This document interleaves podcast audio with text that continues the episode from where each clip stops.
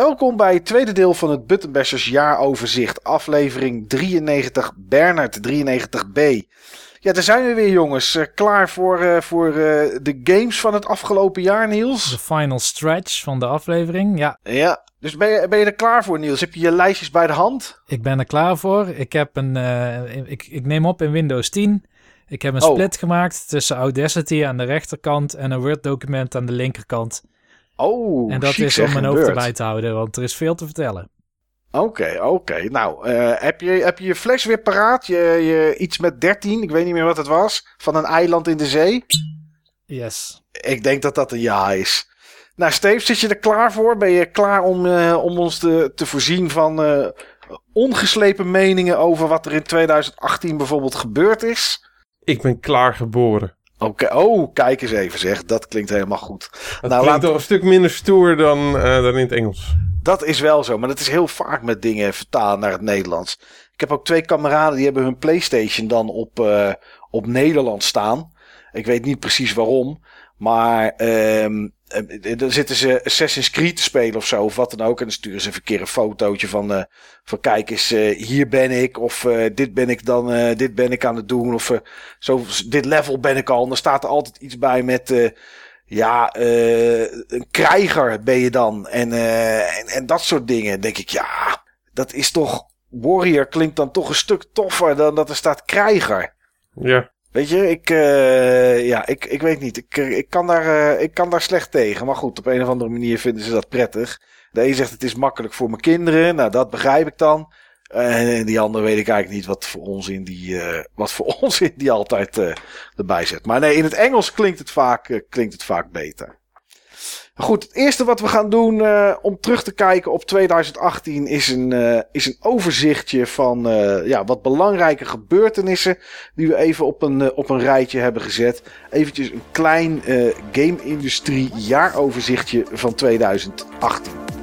It smells like trash.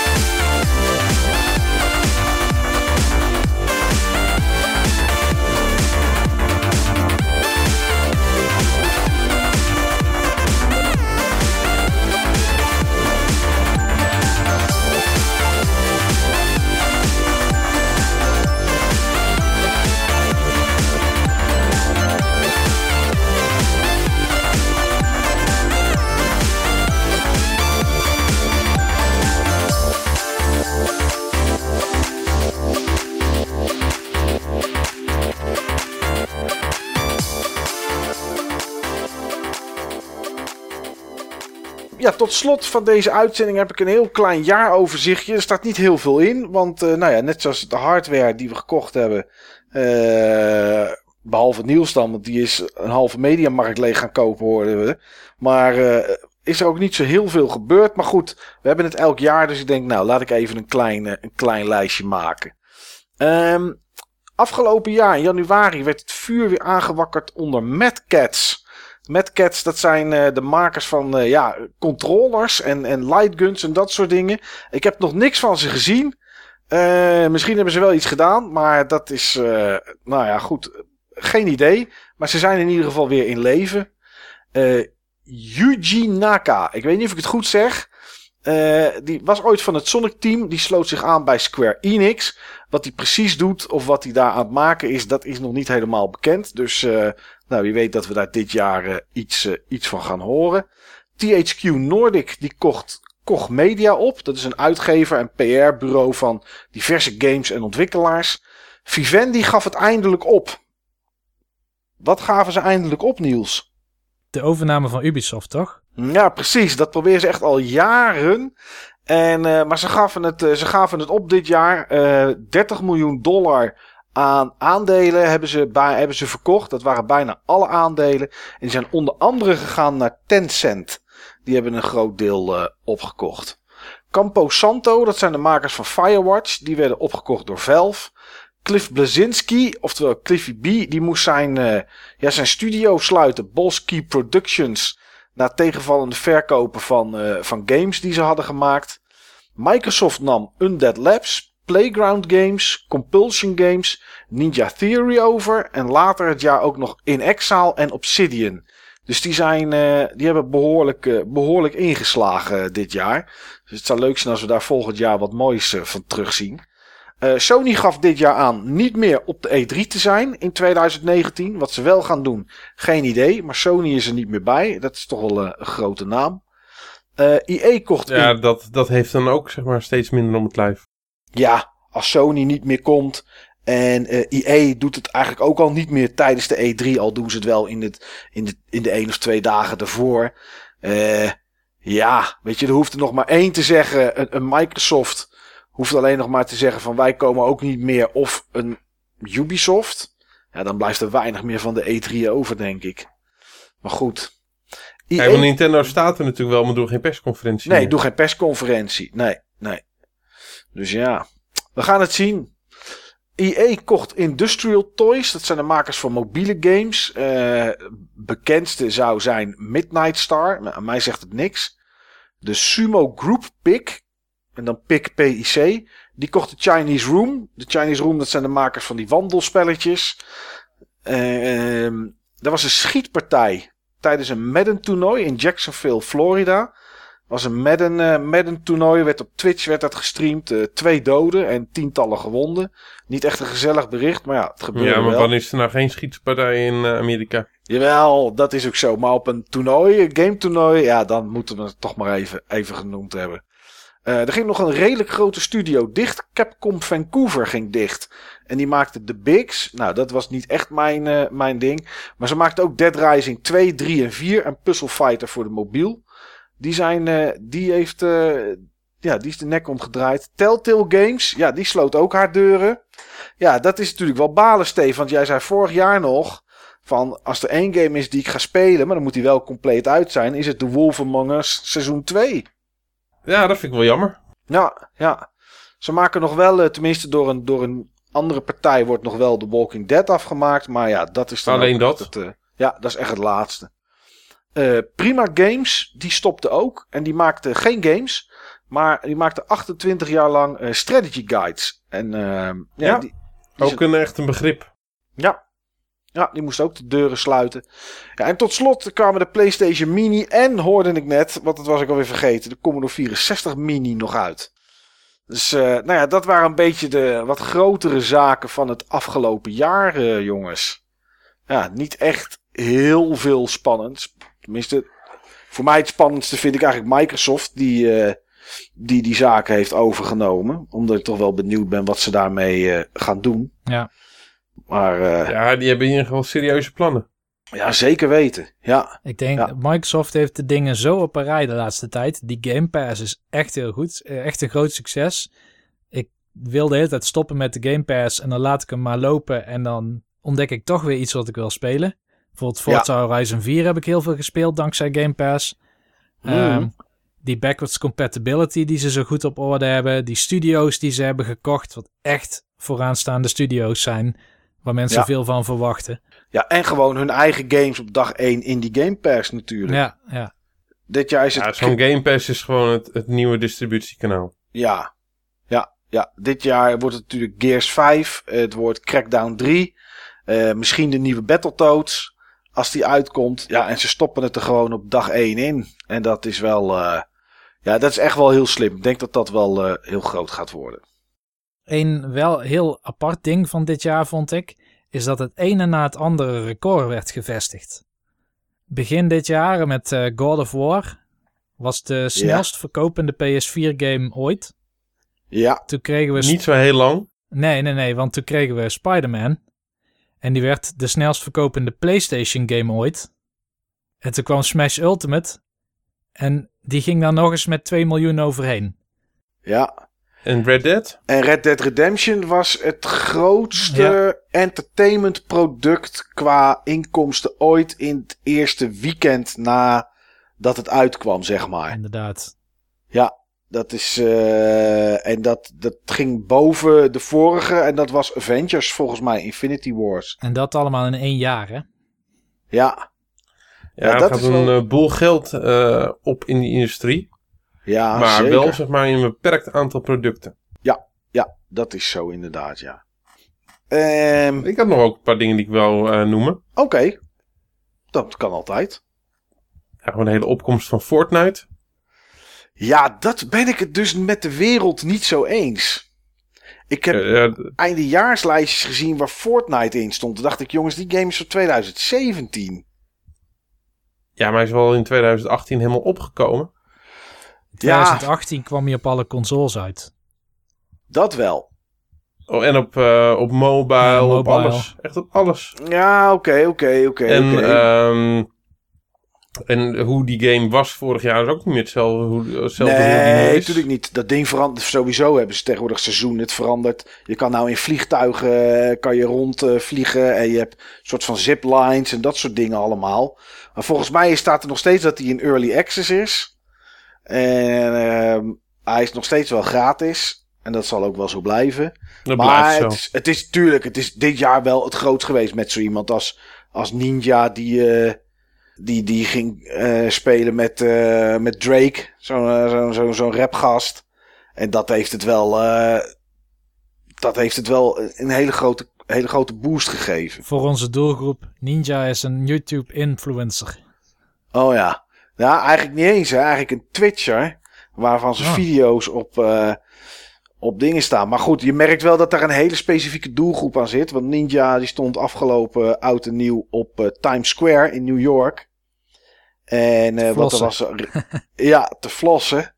En dat is zo'n zo'n dansje met je armen voorlangs en achterlangs, zeg maar. Ja, en dat was toch, was toch geen succes. Hij kreeg niemand mee. Nee, ik geloof vijf mensen van de, van de miljoen mensen die er stonden. ja, dat was een hele grote faal. Ja, dat is mooi. Ja, ik vond het ook mooi. Omdat ik... Mooi bruggetje trouwens. Oh, Het was ook wel het jaar van de hele grote faals. Elk, elke keer als je denkt van, joh, eh, die, die uitgevers die zouden nu toch echt wel moeten leren. Dan leren ze niet. En het zijn ook wel steeds andere uitgevers die zeg maar grote faals hebben. eh, ja, ik kan er wel een aantal bedenken. Bethesda, Ja, maar dat... Fallout. Oeh, Ja. ja. Ja, ja dat Eh, was echt niet best. Dat was echt niet, eh, niet best. Hoe, eh, hoe gooi je je goede naam eh, te grabbel? Ja. Eh, weer een mooi aantal eh, Destiny fails. Oké. Activision. En eh, volgens mij, eh, wat het natuurlijk heel goed doet, de nieuwe Black Ops. eh, volgens mij hebben die microtransactions die ze nu geïnteresseerd hebben, hebben die ook niet veel goed gedaan Nee, qua, eh, qua goodwill. ik hoorde sowieso vandaag, nu we het toch over Activision hebben, een, een apart verhaal. En ik weet niet of het waar is, maar ik hoorde dat eh, Blizzard is natuurlijk, eh, als je het over grote faals hebt, misschien zit die ook wel tussen je lijstje, Steve. Maar Blizzard deed natuurlijk tijdens BlizzCon Diablo Immortal aankondigen voor mobiel. En eh, daar was natuurlijk... Daarvoor nog met, eh, met de E3 natuurlijk, die Command Conquer game van, van Electronic Arts. Ja, Rivals. Ja. Ja, en dan nu dit. die, mobiele, die mobiele game. En vooral ook hoe Blizzard daarop reageerde. Dat het publiek het niks vond. Was natuurlijk een enorme faal. Maar ik hoorde vandaag dat zelfs bij Blizzard op dit moment mensen vrijwillig zeg maar weg kunnen zonder al te veel gemekker. En eh, dat er ook best wel een aantal zijn die dat doen in verband met eh, de bedrijfsvoering die te veel richting iets van Activision aan het lijken, lijken is. Wat dat, oh, dat heb ik helemaal niet in het jaaroverzicht. Maar Mike Morheim, de oprichter ooit van eh, Blizzard, samen met nog iemand anders van wie ik zijn naam niet weet. Mijn excuses voor die persoon. Die eh, ging weg bij Blizzard. Ik hoop dat hij het niet hoort. Nee,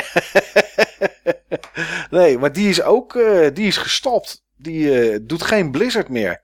En die gast is toch vanaf dag één ja, oprichter. En die is nu toch weg. Dat is wel zonde. Ja. Nog andere dingetjes, Steve, dat je denkt, hey, Ehm, ik heb trouwens nog een leuk eh, stukje trivia over microtransactions. oké. Ehm, wat was de eerste game met microtransactions? Was dat Oblivion? Volgens mij ook. Met die... eh, Met die horse armor. Met die horse armor, ja. Nee, Oké. vele malen ouder. Het was Double Dragon 3 in de arcade. Huh? Wat kon je daar dan? eh, kon je... Daar kon je met extra, eh, met extra kwartjes kon je Ja. upgrades en wapens kopen voor je, voor je character. Echt Voordat waar, het ja? level begon. Ja. Jeetje, dat is wel helemaal zonde van je geld, zeg. Oh, dat wist ik niet, joh. Nee, dat wist ik ook niet. Dat eh, hoorde ik toevallig deze week. Je kan wapens kopen wat je wil, maar je gaat toch in één keer kapot als je zo'n sprong mist. En dan ben je kwartjes kwijt. Ah, Oké, grappig. Double Dragon 3, oké. Nog andere dingen, Steve? Ja, gewoon de algemene trends die je ziet is van ehm, die influencers, zoals, Ja. ja. ja, zoals eh, Niels ze net eh, mooi noemde. Ja, Ehm, ja, die, die hebben toch ook wel inderdaad steeds meer influence. Eh, zeg maar, als je kijkt wat tegenwoordig een review ehm, is ten opzichte van hoe vroeger een review was, is het toch allemaal wat minder journalistiek en wat meer personality-based. ja.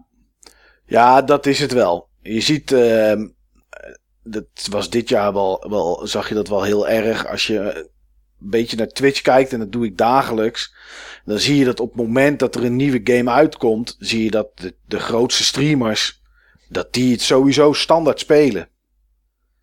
Dat is iets wat wel, eh, wat wel heel erg opvalt. het was ook een aparte categorie op de Game Awards. Was vorig jaar ook al. Toen won Dr. Disrespect hem. Ah ja, En dit jaar was het, eh, en dit jaar was het Ninja die hem won. Ja. Ja, en dat is toch. eh, En die gasten verdienen een hoop. Want ik zag toevallig vandaag Ninja, die verdiende vorig jaar. eh, moest nog wel belasting vanaf in Amerika. Maar zijn inkomsten vorig jaar waren 10 miljoen. De gast heeft gewoon in één jaar 10 miljoen dollar verdiend. Voor een beetje spelletje spelen. Ja, wel op een hoog niveau, want hij is Ja, wel ja. echt wel goed in Fortnite. Maar eh, ja, dat is toch bizar hoor. is dan misschien niet, iets voor opa gamer? De retired Nou, opa- influencer. Ja, ik weet niet wie ik dan moet influencen tegen die tijd. Of Patience of dat ook een, eh, een enorme volgeling heeft. nee, ja, nee, dat is... eh, ik moet toch gewoon werken overdag, Niels. Dus dat red ik niet. Nee. Maar ja, dat is wel, eh, dat is wel een ding, ja. Influencers. eh, niet alleen daarop, hè. je hebt het natuurlijk ook op Instagram Op alles, en op, op alles. weet ik wat allemaal. Ik vind het het, het meest kneuzigste beroep dat er bestaat. Jezelf een influencer noemen. Alleen eh, op een of andere manier lukt het ze wel. Als je maar genoeg volgers hebt. Ja, dat is wel bizar. Ja, wat, wat mij nog wel opviel aan vorig jaar. Is dat er echt iets groots gemaakt wordt van remakes. Dus niet van remasters, maar van remakes. Als je kijkt naar Spyro die uitkwam. Crash Team Racing Nitro of zo heet de volgende geloof ik. eh, die ze gaan, eh, die ze gaan remaken. Eh, Medieval natuurlijk met een trailer en groots aanwezig en weet ik wat allemaal. Shadow of the Colossus. Ja, Shadow of the Colossus, ook zo'n game. Dat Het zijn ook wel echt mooie upgrades hoor. Ja, zeker. Het, het, het is niet zomaar eh, van eh 27p of nog lager naar eh 4K upscalen en, eh, en, en een filtertje eroverheen of zo. Nee, er wordt echt wel wat aan gedaan, maar het viel me wel op hoe groot dat gemaakt wordt. En, en, en een ander dingetje dat mij opviel was dat eh indies, zeg maar, steeds meer terrein toch lijken te winnen. Als je Ja. kijkt, op dit moment wordt er heel veel Atlas gespeeld. Ik weet niet of een van jullie die game kent. Ehm, het, is Nee. een, het is een open wereld. Het klinkt een beetje raar, maar een open wereld MMO. Nou, dat is- klinkt sowieso een beetje vreemd. Maar ja, je, kan, eh, je kan echt landen bezoeken. Je kan op een boot stappen naar de andere kant van de wereld varen. En weet ik wat allemaal. Het ziet er niet uit. Eh, als je de trailer vergelijkt met de gameplay, dan klopt er echt helemaal niks van. Is het een beetje een soort No Man's Sky. Maar het wordt heel veel gespeeld. Ehm, maar ook zoals Celeste, zeg maar. En Ashen, eh, Mutant Year Zero. Het zijn Dead allemaal... Cells. Dead Cells. Het zijn allemaal eh, ja, goede, grotere, goed uitziende indies. En dat vind ik toch wel... ja, dat vind ik toch wel... ik vind dat... In het begin vond ik het niks, maar tegenwoordig speel ik liever... Lijkt het wel een indie dan dat ik eh, Assassin's Creed... eh, Het is toch een beetje de nieuwe AAA ja, qua kwaliteit. Ja. Dus eh, daar komen de verrassende games vandaan. Daar wordt echt de liefde in het spel eh, gestoken. Ja. En daar wordt niet eh, zomaar gecashed. Nee, dat is zo. En dat is natuurlijk al een paar jaar aan de gang. Maar het viel me echt op dat, dat dit jaar de echte... Ja, weet je, je ziet ook het verschil niet, het verschil niet altijd meer. Ik denk ook van tot, eh, dat ze die indies ook gewoon steeds betere huizen vinden. Ja. Eh, je had natuurlijk altijd al Steam. En ik denk dat Switch ook echt een heel serieus indie kanaal is eh, geworden. Zeker. Kijk, de, de PlayStation 4 en, ehm, en de Xbox One samen zijn ook gewoon een serieus platform. Maar de, de Switch en, en, en indies mengen gewoon heel goed. Ja. Zijn games die vaak goed overeen blijven eh, on the go op een klein scherm. Het is vaak offline. Kijk, die, die Switch is eigenlijk zeg maar ehm, drie dingen. Ehm, die Switch is een opvolger van, van, van de Wii U Ja. maar dan doorgeïtereerd. Het is een opvolger van de Vita. En het is een opvolger van de Ouya. ja. ja, ja het is, dit is in feite... Eigenlijk is de Switch gewoon eh, wat de Ouya had moeten zijn. Ja. Dat is het zeker. Ja. En ehm, kijk, de Vita heeft zeg maar onbedoeld ook een bepaalde indie-status gekregen. Het is ook een soort van indie-baby-apparaat. Maar de, de Vita is nog wel langzaam maar zeker gewoon een beetje aan het doodgaan. En Ja. Het is nooit echt geworden natuurlijk qua, eh, qua verkoopcijfers. Maar de Switch, ja, dat is, eh, dat is toch een whole different ballgame. Ja, die heeft de kracht van Nintendo achter zich. Met een Mario, een Zelda en eh, een, een Super Smash en weet ik wat allemaal. Ja, en ze hebben zich ook echt gericht op, eh, op, op het binnenharken van indies, hè. Mhm. Ze hebben echt een heel indie programma. Dus eh, it paid off. Eh, eigenlijk gewoon op die, op die Switch verschijnen gewoon bijna dagelijks games. Ja, dat zijn er echt bizar veel. 1100 of zo waren het er inmiddels. Eh, meer dan 1500. Meer dan 1500. Ja. ja. Ja, ik zag nog laatst, geen twee eh, jaar. ik check wel eens ooit die ranglijsten in de e-shop app Ja. van de Switch dan. En daar staan indies vaak ook echt heel hoog. En heel lang hebben zelfs indies bovenaan gestaan. Nog boven Zelda en Mario. Bijvoorbeeld zo'n, eh weet je ook weer, die, die Valley game. Stardew, Stardew Valley. Valley. Stardew Valley. Die Ja. heeft heel lang op één gestaan. Ehm, maar ook recentere indie games, die kunnen best gewoon wekenlang op één staan. Van Ja. downloadable games. Ja, dat is toch wel. eh, Ik zat van de week op Metacritic zat ik te kijken naar, eh, naar games van, eh, van de Switch. En wat, daar dan, wat er dan bovenaan stond, zeg maar. Nou, de- bovenaan de lijst met best beoordeelde games qua review op de Switch staat natuurlijk Super Smash. Maar op twee staat Mark of the Ninja Remastered. Volgens mij, ja, ik weet helemaal Hè? niet helemaal zeker of dat, eh, of, dat, eh, of dat indie is of niet. Volgens mij wel. Daar staat op 3 Diablo 3. En op 4 Guacamelee 2. 5 Katamari, eh, nou ja, noem het maar op. En op 6 staat dan weer Guacamelee Super Turbo Championship Edition. Maar dat is dan de, van dit jaar, denk ik, of niet? Anders zou ik Breath of the Wild eh, bovenaan. ja, dat is van van, dit jaar. is, is van dit jaar. Ah, oké. Is van dit jaar. Ja, ja. Dus dat zijn best wel, eh, ja, dat zijn best wel, best wel een hoop indies wat daar, eh, wat daar aan de top staat. Ja, ja. Zowel kritisch als eh, qua performance op de markt heel succesvol. Ja, ja dat is toch wel, eh, dat is toch wel, ja, toch wel, toch wel bijzonder. Dat dat, eh, dat, dat zo goed, eh, goed loopt. Maar ik vind het ook wel mooi. Nee, als je kijkt naar alles, dan is de derde game een, eh, een indie game. Dat is Undertale. Oh ja. Oh ja, die andere was nieuw releases. Als je bij alle, alles kijkt, dan staat op 5 staat Celeste. En Inside staat erop. Coole. Steamworld Heist. Coole game. Ook een coole game. Steamworld Heist, ja. Shovel Knight, Bastion, Hollow Knight, Dead Cells. Staat allemaal in de top 15, denk ik, of zo. Van best gerate games op de Switch. Ja. Ja, dus dat is wel, eh, dat is wel tof.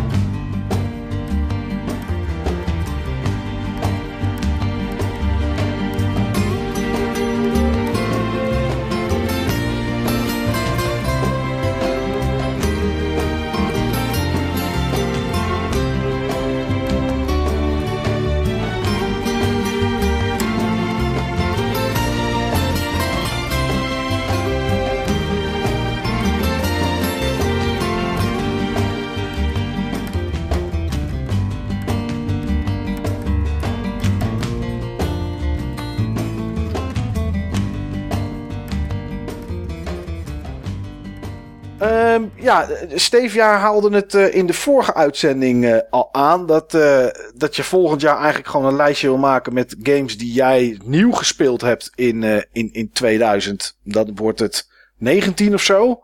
Of 18. Ik weet het niet. Ja, 18 wordt het dan. Dus, In een jaaroverzicht 19. voor, vooruitdenken Die is... ik dan in 2019 gespeeld heb. Ja. Toch? Ja, want het is nu 19. Dat klopt.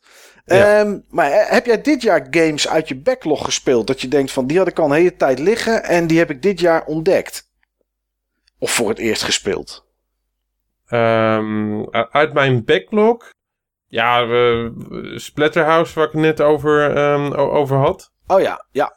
Dat vond ik wel tof. Uit mijn backlog heb ik niks uitgespeeld. Oké, oké. Nou ja, goed, dat gaat volgend jaar dan waarschijnlijk wel. eh, ja, dat is niet helemaal waar. Ik heb eh, Mario Odyssey heb ik uitgespeeld. Oké, nog, oh niet, ja. nog niet volledig, maar wel zeg maar... ehm, Het verhaal. maar wel zeg maar het, het verhaal inderdaad, ja. En dat... ehm, Wat een geweldig einde was dat, hè? ja, was gaaf. Ja, Ja. dat was echt tof. Ja, Dus dat was... eh, nee, vond ik echt gewoon een heel leuk spel. Ben je wel verder gegaan daarna?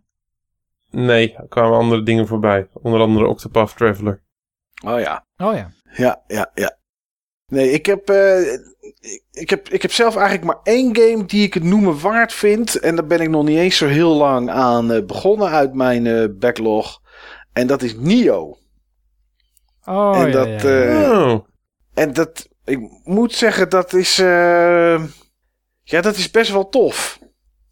Het is natuurlijk eh, een beetje Souls-like, om het maar zo, eh, zo te noemen. Het is van eh, eh, Ninja Theory, moet ik zeggen. Of is het Team Ninja? ik haal die altijd door elkaar. Team Ninja. Ja. Ja, de- dezelfde gasten als van eh, die andere game waar ik nu niet op kan komen. Eh, Marvel's Ultimate Alliance 3. die bedoelde ik net niet. Nee, dat weet ik. maar die is ook van Team Ninja. nee, ik bedoelde die andere, met die, die ook zo heel moeilijk zijn. En ook, met- dat bedoelde ik. Hè. Bayonetta is er ook van Team Ninja? Of ben ik Nee, nu- is van Platinum. Nee, dat is niet van Team... Dat, is is van Platinum, Platinum. inderdaad. Ja. Ja. Ja. Maar goed, ehm, ja, dat vind ik heel tof. Ik ben, nog, ik ben echt nog helemaal niet ver. Ik ben, eh, eh, je begint in Londen, daar begint, eh, daar begint de game. Eh, daar ben ik doorheen. En ehm, ehm, het tweede gedeelte ben ik bijna bij de eindbaas, denk ik. Maar wat ik er wel heel tof aan vind, is ehm, eh, de opbouw, tenminste van de twee levels die ik tot nu toe gehad heb, of gebieden. Eh, dat vind ik wel heel tof. Het heeft wel een beetje zoiets als eerste Dark Souls. Niet hoe de gebieden aan elkaar zitten, want volgens mij loop je niet van gebied naar gebied. Maar kan je ze gewoon kiezen op een kaart. Maar eh, het is wel, ja, je kan linksom, je kan rechtsom, eh, je kan rechtdoor, eh, je kan allerlei kanten op in die levels. En dat vind ik wel, dat vind ik wel heel gaaf. Iets minder tof vind ik de hoeveelheid loot die je krijgt. Daar word je echt helemaal gek van. Uh, als je even een stukje gespeeld hebt, heb je weer drie nieuwe wapens. Of, of dezelfde wapens, maar zijn ze voor jou nieuw. Nieuwe kledingstukken en dat soort dingen allemaal. Dat vind ik wel, dat vind ik wel een beetje irritant. Dat is wel echt eventjes te veel. Maar ik, ja, ik weet niet. Ik denk totdat, totdat er wat andere games uitkomen dit jaar. Dat dit wel een lekkere game is om af en toe eens even een paar, paar uurtjes te spelen. Maar dat klinkt heel anders dan de demo. Want de demo die begon meteen in zo'n uh, ja, donker, regenachtig gebied in Japan. Ja, nou ja, het begon in een dojo volgens mij. Ja. En daar, die, die, dat, dat zit na uh, het, het, het Londen gedeelte, zeg maar. En uh, na die dojo ga je dan naar inderdaad donkerachtig, waar van alles in de brand staat. Uh, stuk Japan. Dat klopt. En dat is, ja, dat is zeg maar het, eerste gebied daarna waar je terecht komt. Dus dat is wel echt wel het begin van de game hoor. Dat is het wel. Maar er zit nog een stuk voor. Waarin dan ja, het verhaal een beetje, verhaal een beetje uitgelegd wordt. En het verhaal is niet uh, bijster moeilijk of zo. Het is geen Dark Souls waarbij je echt uh, nou ja, geen hol begrijpt van wat er aan de hand is. En waarom je aan het doen bent, wat je aan het doen bent. Dat is, uh, dat is hier wel een stuk, een stuk duidelijker, moet ik zeggen zitten wel uh, wat, gave, wat gave figuren in. En de artstijl, moet ik zeggen, bevalt me wel heel goed. Uh, ik heb hem op performance gezet op mijn PS4 Pro. Dan heb je in ieder geval uh, steady 60 frames per seconde als het goed is. Ik heb ze niet geteld, maar dat zou het wel moeten zijn. Maar ze voelt het ook wel aan. En uh, ja, ja, ik weet niet. Ik vind het wel, uh, vind het wel, vind het wel leuk. Het is niet zo leuk dat ik nu, als we zo straks klaar zijn met opnemen, dat ik gelijk weer ga spelen. Maar uh, nou ja, misschien over een paar dagen. Dat ik het wel weer eens eventjes uh, even aanzet. Maar dat is in ieder geval, uh, nou ja, dat is de enige game. Omdat ik dus afgelopen jaar nog veel reviews heb gespeeld. Ik denk van nou, die uit mijn backlog is wel echt de moeite waard om, om eventjes te noemen. Heb jij nog iets nieuws dat je denkt van hey... Ik had een klein lijstje gemaakt. Nou, kom maar op. Want ik heb best wel veel backlog games uitgespeeld dit jaar. Sommige heb ik het ook over gehad in de podcast, sommige ook niet. Uh, dus bij sommige wil ik heel kort iets zeggen. Um, de eerste die ik op het lijstje heb staan is de meest recente game uit mijn backlog die ik heb uitgespeeld en dat is Fantasy Star. Dat is een Master oh. System game origineel en dit was de Sega Ages uitgave op de Switch. Die heeft een aantal aanpassingen. Denk aan uh, de FM muziek als optionele keuze. Eh, standaard kunnen rennen. Uh, de Ages versie stelt ook in staat om vier keer zoveel XP en goud, of goud, ik weet niet meer wat de currency precies is in dit universum, te krijgen. Waardoor je niet zo lang hoeft te grinden. En uh, heel erg handig, want de, deze game is heel uniek. in de meeste gevallen op de overworld, of in alle gevallen op de overworld, dan is het een top-down perspective zoals in Final Fantasy en Dragon Quest. Maar op het moment dat jij een dungeon ingaat, wordt het first person. Het ziet er heel repetitief uit. Het is echt heel vroeg 3D, weet je wel. Nog voor Wolfenstein 3D mhm. en zo. Dus je beweegt in hoeken van 90 graden. Maar er zit een soort animatie in, waardoor het toch een, een soort uh, soepelheid met zich meebrengt. Oké. Maar het ziet er heel monotoon uit. Het, het, ziet eruit zoals ik vroeger altijd dacht vanuit tekenfilms dat een piramide er van binnenuit zou zien. Dus allemaal dezelfde muren, allemaal dezelfde gangen, allemaal even hoog en even breed. Alleen um, de ene dungeon die kun je onderscheiden van de andere, met name door de kleur van de muren. De ene is blauw, de andere is geel. Ja. Maar het handige is dat um, vroeger uh, moest je dan waarschijnlijk op hokjes papier of zo dan bijhouden hoe het doolhof eruit zag. Want het is gewoon, je hebt geen kaart of zo standaard. Maar in de mm Ages versie wordt wel een kaart automatisch aangevuld, elke stap die je zet.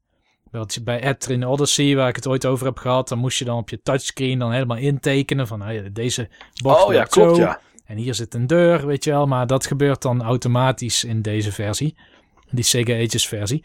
En dat maakt het een erg, erg, erg leuke game, moet ik zeggen. Uh, ik vind hem leuker dan, um, dan uh, Dragon Quest 1, uh, eh, Final Fantasy 1, met de klassiekers. ik ben bezig met Ease Book 2. Uh, dat heeft mij ook weer terug doen denken aan Ease Book 1. Het spant erom. Ik weet niet of dat ik Ease of Fantasy Star leuker vind, maar Fantasy Star heeft in ieder geval een hele unieke setting. Eh, een soort, ja, het is sci-fi. Het een beetje denken aan Star Wars en Star Trek soms. Ehm, heeft hele mooie graphics voor een 8-bit titel. Ziet er bijna 16-bit uit. En, eh, en je bent een vrouw als hoofdrolspeler. Ook heel bijzonder, vooral in die tijd. Hmm, Dus echt een toffe game. Heel leuk. Eh, een andere hele goede game is Cave Story Plus. Dat ken ik qua naam wel. Ja, Cave Story is een van de eerste indie games die echt doorbrak. Eén, door één persoon gemaakt. Pixel is zijn bijnaam. Eh Daisuke nog iets is eh, zijn echte naam. Dit is een... Men noemt het soms een Metroidvania, maar ik zou het geen Metroidvania noemen. Ik zou het een het adventure platformer noemen. Die misschien wat non-lineaire momenten kent. Maar het is redelijk lineair wat je moet doen. Maar ehm, je kan deze op de Switch eh, helemaal in co-op spelen. Hij is op PC eh, verschenen. En volgens mij op de 3DS, de Wii U, de Wii en de Switch. Alleen maar een Nintendo systeem om een of andere reden. Oké. Maar dit is echt, echt een juweeltje van een game. Eh, ik heb Moet samen... ik dit op mijn lijstje, op mijn whiteboard gaan schrijven nu? Cave Story Plus? Ja, dat kun je gerust doen. Oké, dan ga ik dat nu doen. Dus het is een soort platformer. Het is heel leuk om in co-op te spelen ook. Eh, het is een platformer met een verhaal. eh, met echte worldbuilding er ook in. Dus er zijn karakters. er gebeuren allerlei dingen terwijl je dat spel speelt. Dus het heeft geen levelstructuur, maar het is gewoon een soort van interconnected wereld. Waar je wel heel duidelijk van het ene naar het andere gebied wordt gestuurd. Dus het is niet zo dat je heel erg aan het zoeken bent of zo. Van waar zit dan de volgende eh, event point die ik moet bereiken. Maar wat heel leuk is, is je hebt af en toe andere soorten uitdagingen. Bijvoorbeeld op een gegeven moment kom je ergens en dan moet je van, volgens mij was het een vrouwtje of zo, moet je hondjes gaan zoeken. Nou, het zijn allemaal puppies en die, die rennen rond door die wereld. Maar je moet natuurlijk uitkijken dat je niet wordt geraakt door vijanden. En dan moet je al die puppies opstapelen. Dus heb je echt zo'n hele stapel puppies zeg maar, op je hoofd staan. Ziet er heel grappig uit. Ehm, je kan ook switchen trouwens tussen nieuwe graphics en de originele graphics. En volgens mij ook tussen nieuwe graphics en de of nieuwe muziek en de originele muziek. Maar ik denk wat nou wel leuk is om te vermelden is dat eh, de actie, het, er zitten hele fijne controls in. De physics van het karakter zijn heel fijn, maar je hebt ook verschillende wapens. Je hoeft ze niet per se allemaal tegen te komen in je playthrough. Ik heb ook een aantal gemist, maar je hebt een stuk of... Ik had in ieder geval een stuk of vijf, zes wapens. En die hebben ook meerdere niveaus. Dus als jij met die wapens veel killt, dan krijg je soort driehoekjes die je op kan pakken. En als je die genoeg hebt, dan upgrade je je wapen naar het volgende niveau. Je kunt die upgrade ook weer kwijtraken eh als je geraakt wordt. Maar ehm, eh, die hebben meestal drie stages. Dus dan, eh, een, een gewoon pistool kan, eh, eh, ik noem maar wat, automatisch vuren op niveau 2. En die kan een extra dikke straal op niveau 3 bijvoorbeeld. Ja, Ik precies. een beetje denk- volgens mij Gunstar Heroes of zo had zoiets ook. Ja, volgens mij ook.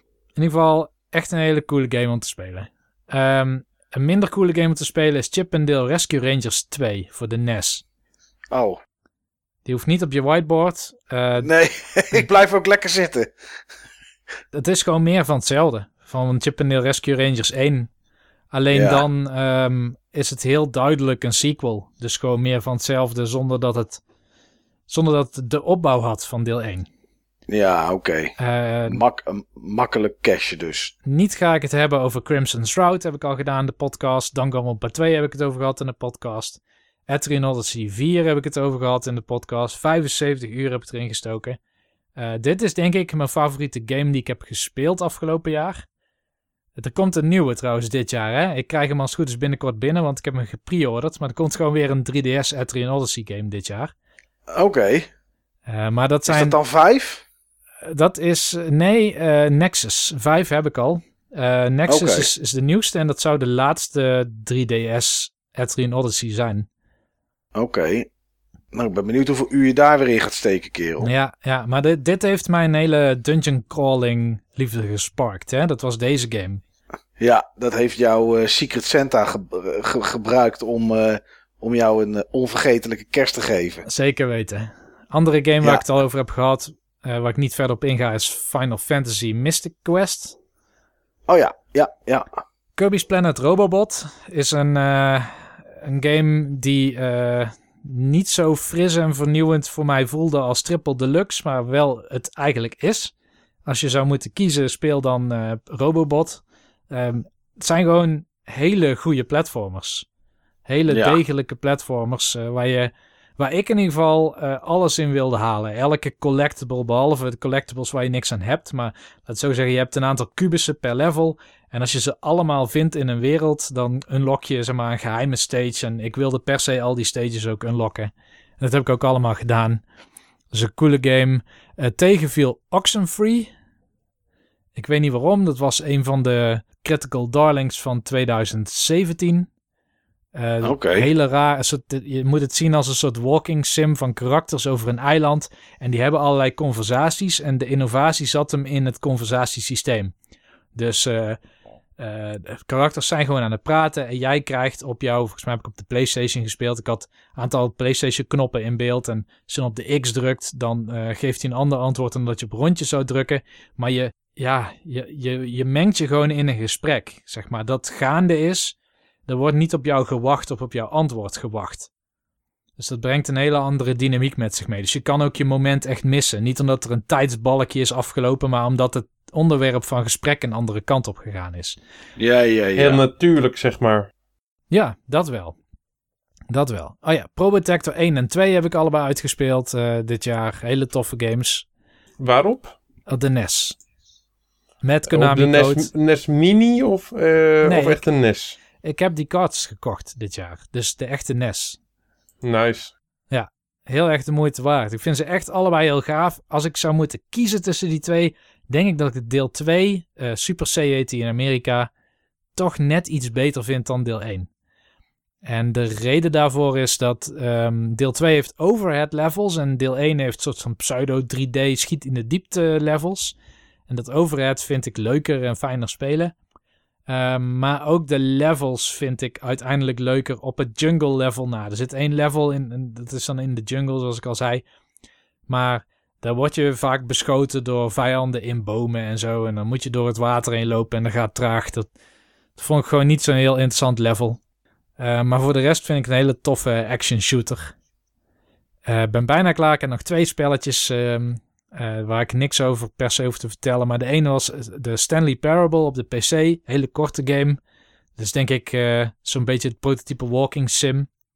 Je kan niks anders doen dan, dan lopen en reageren op een narrator die vertelt: ga deze en deze kant op. Ga linksaf. En als je dat dan niet doet, dan gaat het verhaal anders. Dat was het. Oh.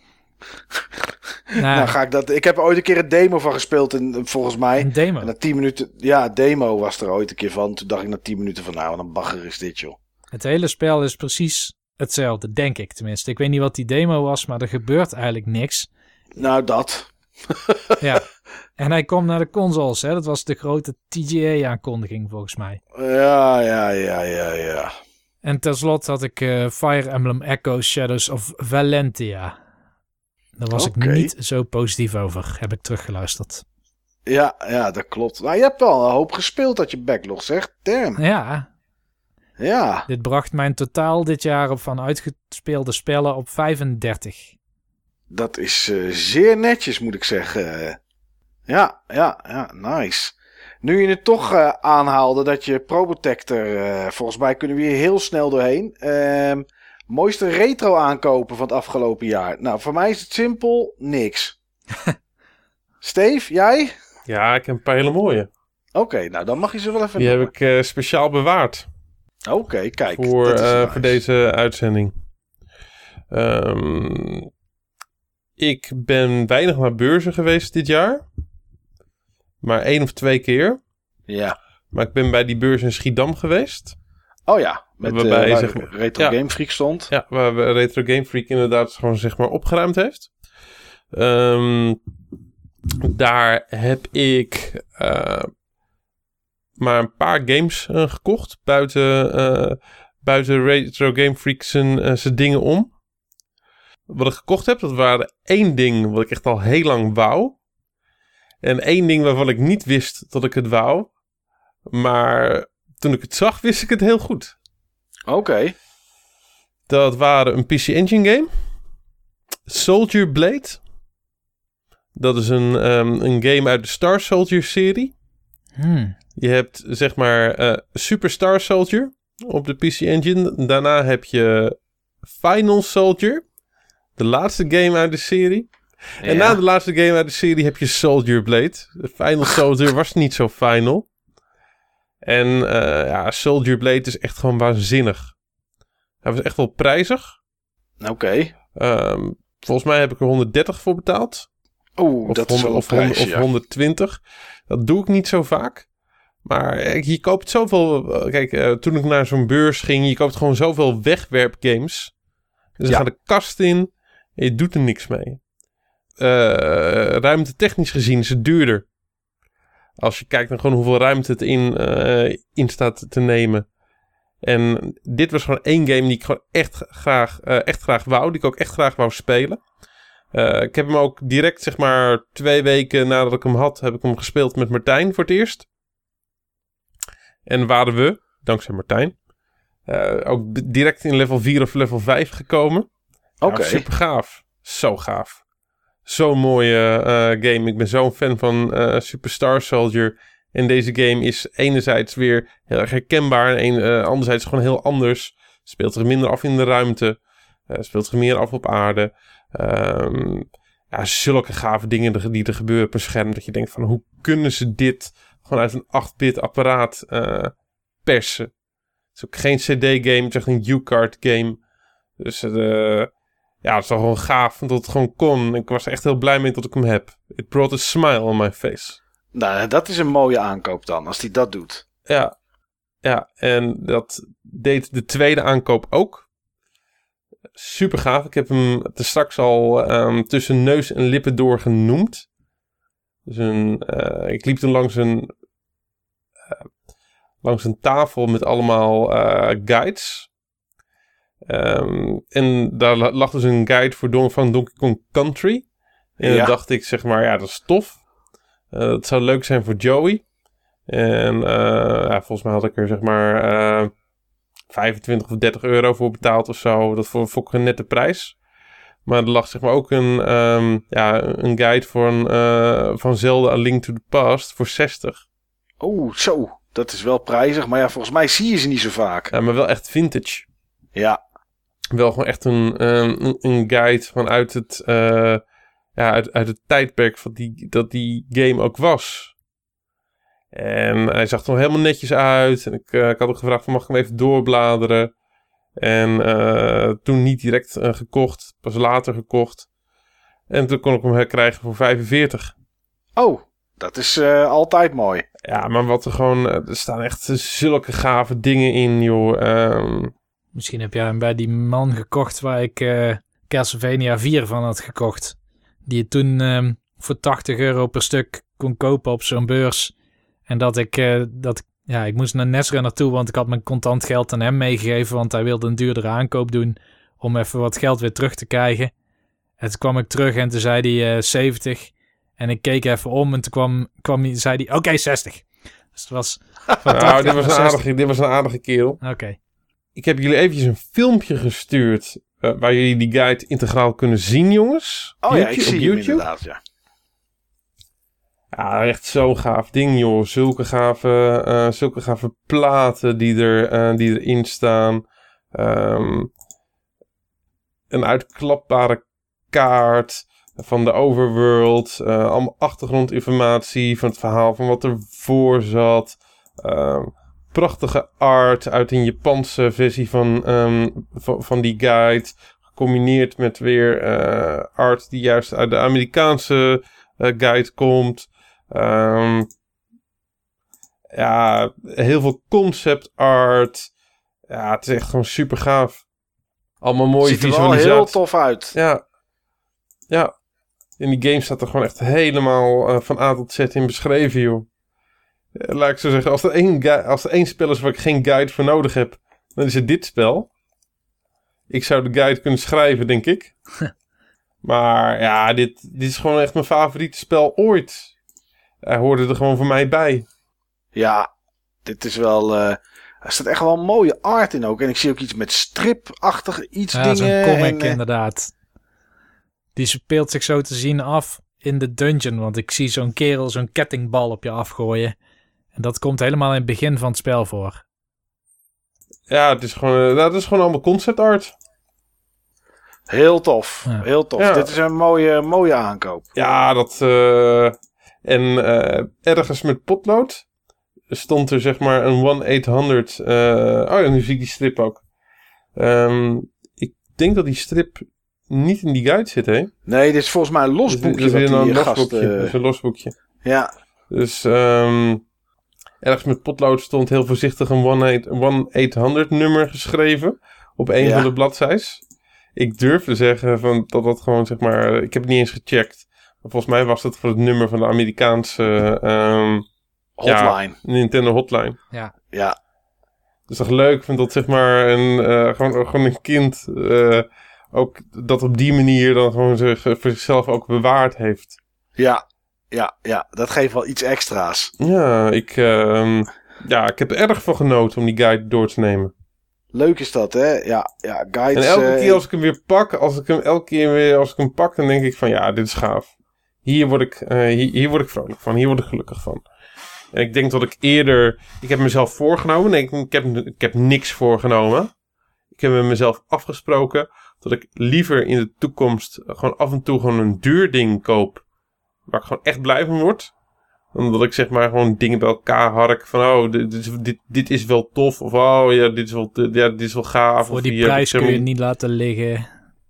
Nee, dat soort dingen. Ja, Nee, maar je hebt wel gelijk, Steve. Je kan beter één ding kopen van 130 waar je wel wat mee doet. Dan eh, vier games voor eh, 25 een stuk waar je niks mee doet. Ja. Ja, en wat ik verder nog gekocht had eh, op diezelfde beurs waren wat, ehm, wat van die knokkers. Eh, die je vaak in speelgoedzaken eh, ziet bij de, bij de game-rekken. Van, Oh, van die ja. zit, ja. Ehm, wat, wat knokkers van, eh, van Nintendo. Eentje van Super Mario 3D World. Eentje van Donkey Kong Country. Die was eigenlijk ook voor Joey bestemd. Maar die had ik zelf tijdelijk een plaatsje gegeven. En dat is toen een permanent plaatsje geworden. Ja, ja. nee, Eentje ja, van goed. Luigi's. Ja, Joey heeft zat dingetjes gekregen hoor. Dus, eh, Ik wou net zeggen, wat, en wat niet weet, wat niet deert, hè, dit knippen we er gewoon uit. Oh nee hoor, dat mag er gewoon in blijven. ja. Eh, nog eentje van Luigi's Mansion. Ja, gewoon echt toffe dingen. Oh, nice man. Nou, dan heb je toch leuke dingen gescoord, Ja. eh, Steve. Ja. Ja, zeker. ja. Nou, Niels. Behalve je Probotectors, eh heb je nog wat anders eh, dat je denkt van, hé, hey, dat is mooi man. Nou ja, Steve die wakkerde net weer iets op bij mij. Iets wat ik Oh. was vergeten. Ik had namelijk ook 130 euro uitgegeven aan een retro-artikel. Helemaal aan het begin van het jaar. Eigenlijk was het 65 euro, maar ik moest het twee keer bestellen, want het kwam één keer niet aan. En dat was die Oh. Barton Keitels Origins. Oh ja, dat super klopt blij nog. mee natuurlijk, nadat ik Barton Keitels ben gaan spelen en niet heb afgemaakt. Want eh, zo eh, extreem leuk was die ook weer niet. Ja, ik weet nog dat je het daar eh, vorig jaar over had inderdaad, dat je hem besteld had en dat hij niet was aangekomen, ja. Ja, ik zag net in een e-mail dat ik de 28ste van januari hem opnieuw had besteld. Oké. Dus, eh, dus dat was een aankoop. Ik heb het verder gehad en dat is niet zo lang geleden. Misschien twee afleveringen geleden, drie afleveringen geleden, als we 93A meerekenen. Die eh Bare Knuckle 3 en Gunstar Heroes op de Mega Drive. Die ben ik toen Oh ja, dat weet ik. in ja. Osaka gaan halen. En eh, ja, ik ga over een korte tijd weer naar Japan toe. Eh, ik neem mij voor ja, ja, Niels, stop maar. Om niks te kopen. Nee, en ik heb wel iets met- wat ik wil Oh, kopen. Ik wil eh, die Capcom Beat'em Up Bundle, eh, de fysieke versie kopen. Oh, want die is alleen in eh, Japan uit. Ja, oké. en nu ik eraan zit te denken... Nee, nee, nee, nee. Dat gaan we niet doen.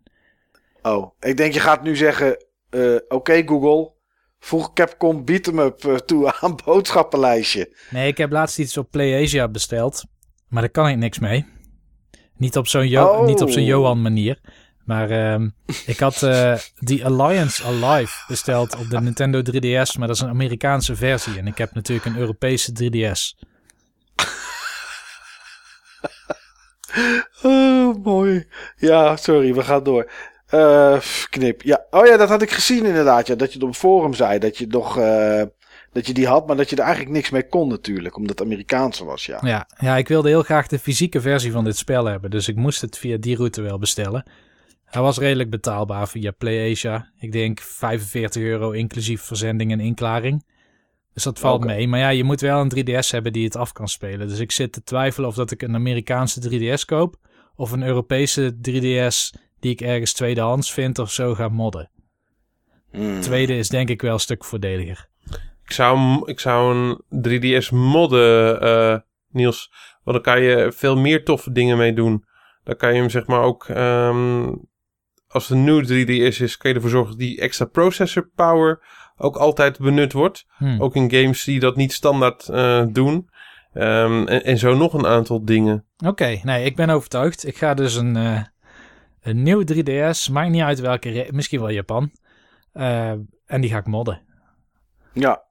Oké, en ik heb op de valreep trouwens van het jaar, net voor de jaarwisseling, nog een NES-game gekocht. Oh, eens even denken. Zouden we dat kunnen raden? Zou het kunnen raden, Niels? Hmm, nou, niet heel makkelijk. Het is een hele bekende serie. Oh. Het is een serie met redelijk wat titels op de NES. Sommige zijn eh, vrij duur. De duurste heb ik in ieder geval gekocht nu. Die kan ik maar vast hebben, dacht ik. Oh, Ik is denk het Mega Mega Man. Man. Het is Ja, Mega dat Man. denk ik ook. Ja, Ja, Mega Man 5. oké. En wat was de reden dat je die ging kopen? Je dacht in één keer, ik heb zin in Mega Man. Is Mega ga Man die 5 de duurste of Mega Man 1 de duurste? 5 is als het goed is de duurste. Want die is niet in Europa uitgekomen. Of nee, in Europa is die heel duur. De PAL-versie is heel duur. Ik heb de NTSC-versie. Ja, Mega Man 1 is ook wel aan de prijzige kant, maar die is wel, als het goed is, beter verkrijgbaar. 5 kom je niet zo vaak tegen. Oké, en wat was de reden dat je deze ging kopen? Je wilde gewoon alle Mega Mans hebben? Of... Ehm, ja, dat, laten, we het zeggen, laten we zeggen dat ik eh, toen Retro Game Freak zijn uitverkoop deed. Toen heb ik Mega Man X en Mega Man 4 gekocht. En toen dacht ik, als ik dan toch al deel 4 heb, dan wil ik eigenlijk de Mega Mans hebben die ik al uit heb gespeeld. En ik heb 1 tot met 5 al uitgespeeld. En 6 moet ik nog een keer gaan doen. Die heb ik op de Wii U nog staan, maar de Wii U zit even niet aangesloten op het moment. Maar ik denk dat 1 en 6 zich ook wel een keer gaan toevoegen aan de collectie. En dan heb ik in ieder geval de games op de NES die ik echt leuk vind om te spelen. De Mega Man's vind ik leuk. eh, Castlevania's vind ik leuk. Double Dragons vind ik leuk. Maar ik hoef geen eh Erik Cantona voetbal challenge, zullen we maar zeggen. om Jeroen te... Waar Ja. komt dat nou vandaan? ja. Dus eh, ja, nee, die heb ik nog even gekocht. Net voor het einde van het jaar. Oké, netjes man. Nou, dat is wel, eh, ja, dat is wel lachen.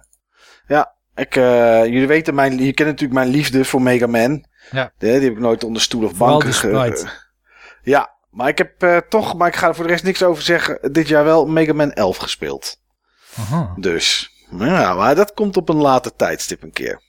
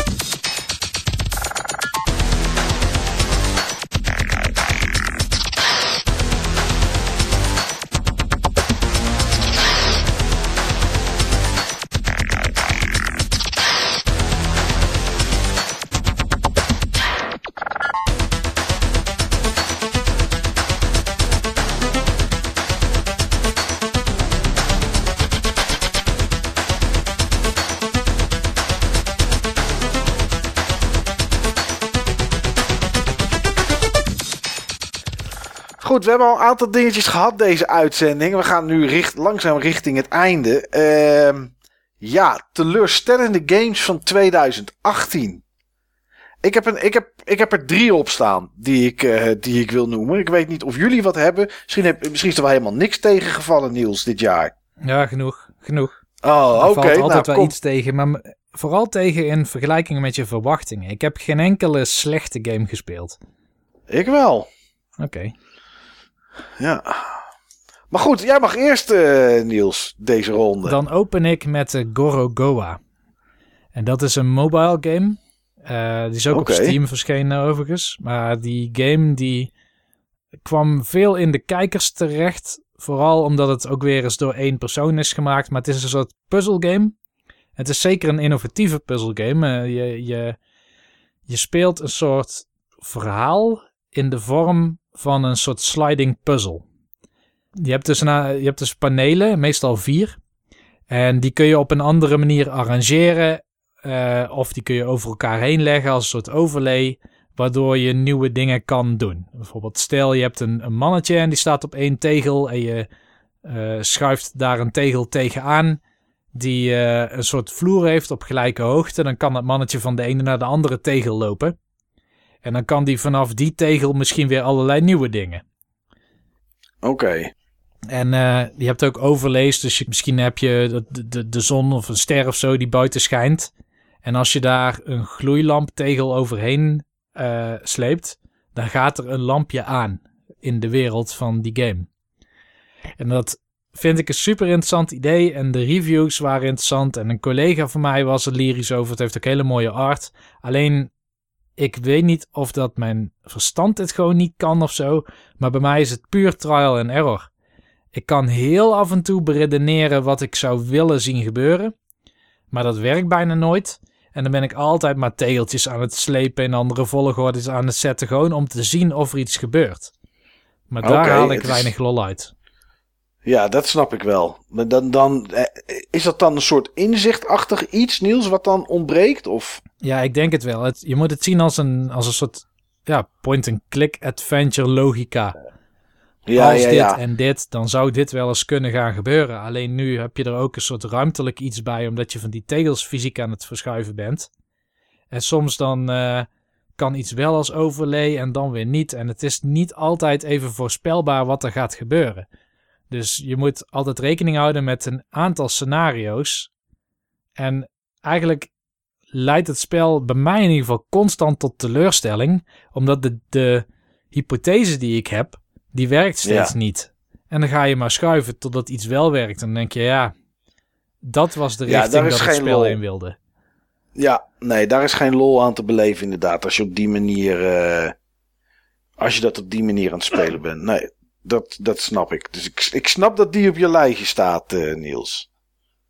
Eh Steve, eh, voordat Niels, Niels heeft natuurlijk heel veel games eh, die allemaal tegenvallen. omdat hij het inzicht niet heeft, of zo. Ja. heb, jij, heb jij... ah nee, dat is lullig Niels, dat is lullig. Eh, heb- jij iets op het lijstje staan, eh Steve? Ja, zeker. Een, Oké. ehm, Knip het er gewoon een uit game- hoor, Mike. Ja, Een game waar ik het inzicht, een game waar ik helaas het inzicht niet voor heb. Oh, oké.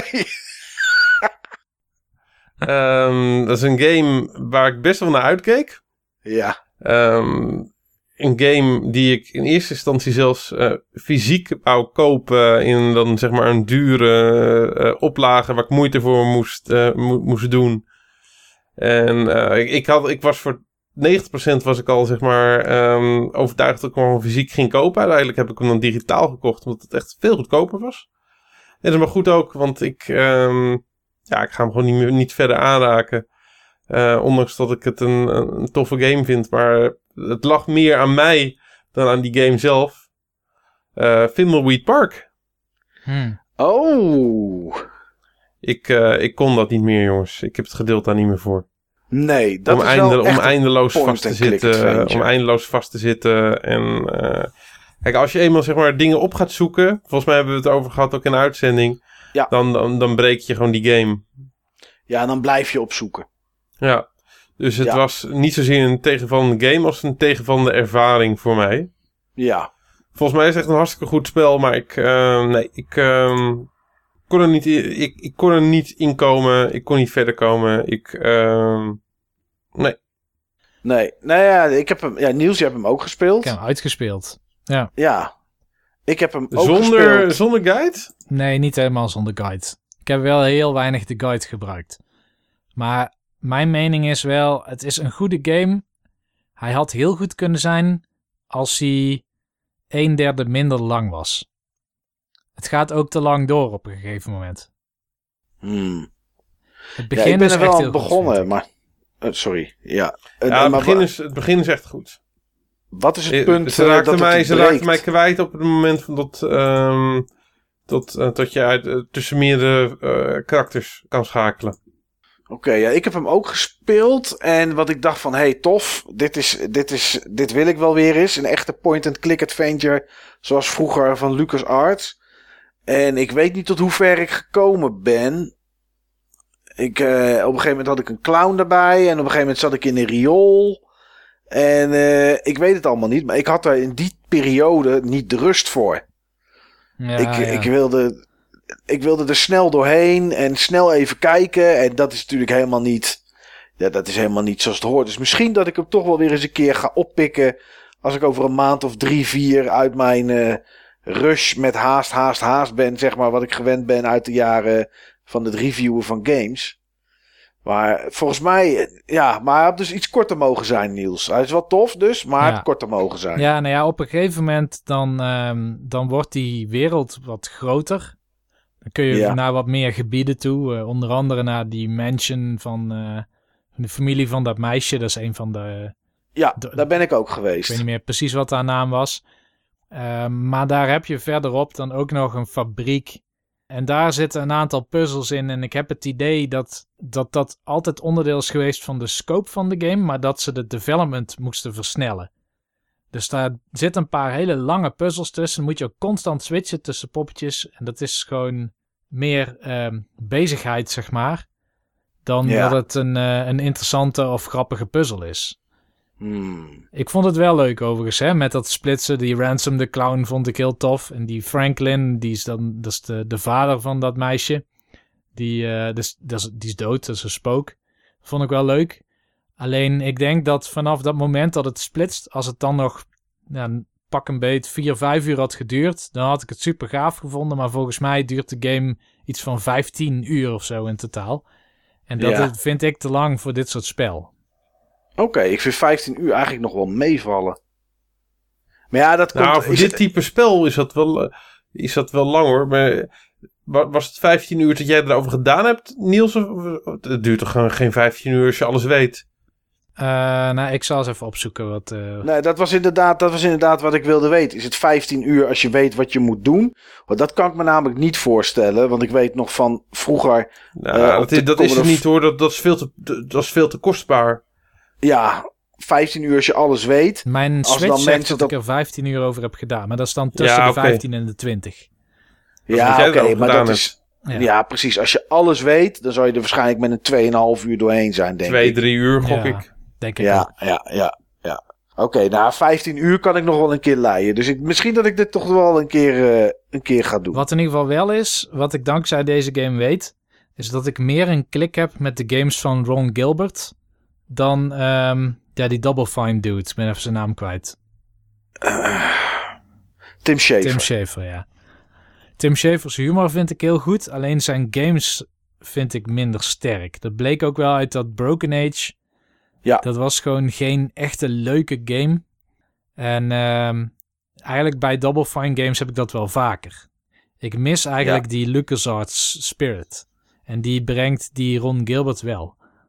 Ja, nee, dat, eh, daar heb je wel helemaal gelijk in. Broken Age vond ik ook niet... Nee, vond ik niet leuk. Vond ik geen leuke adventure game. Ja. Thimbleweed Park. Ik, eh, ik ga het toch nog eens onthouden eh, voor volgend jaar. Of dit jaar. Jeetje.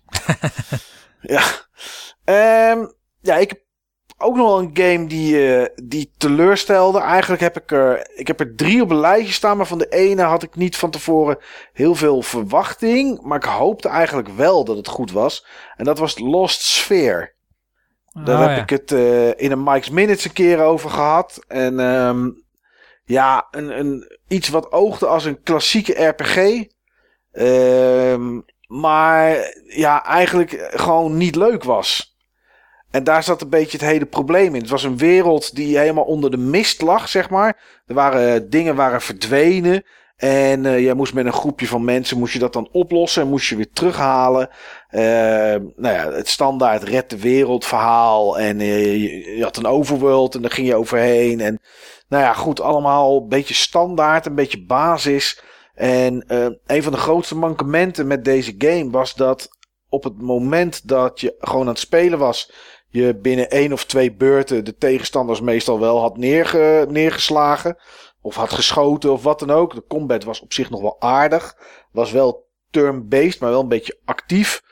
Um, alleen als je daarna dan een soort boss battle kreeg, dan werd je eigenlijk helemaal van de kaart geveegd.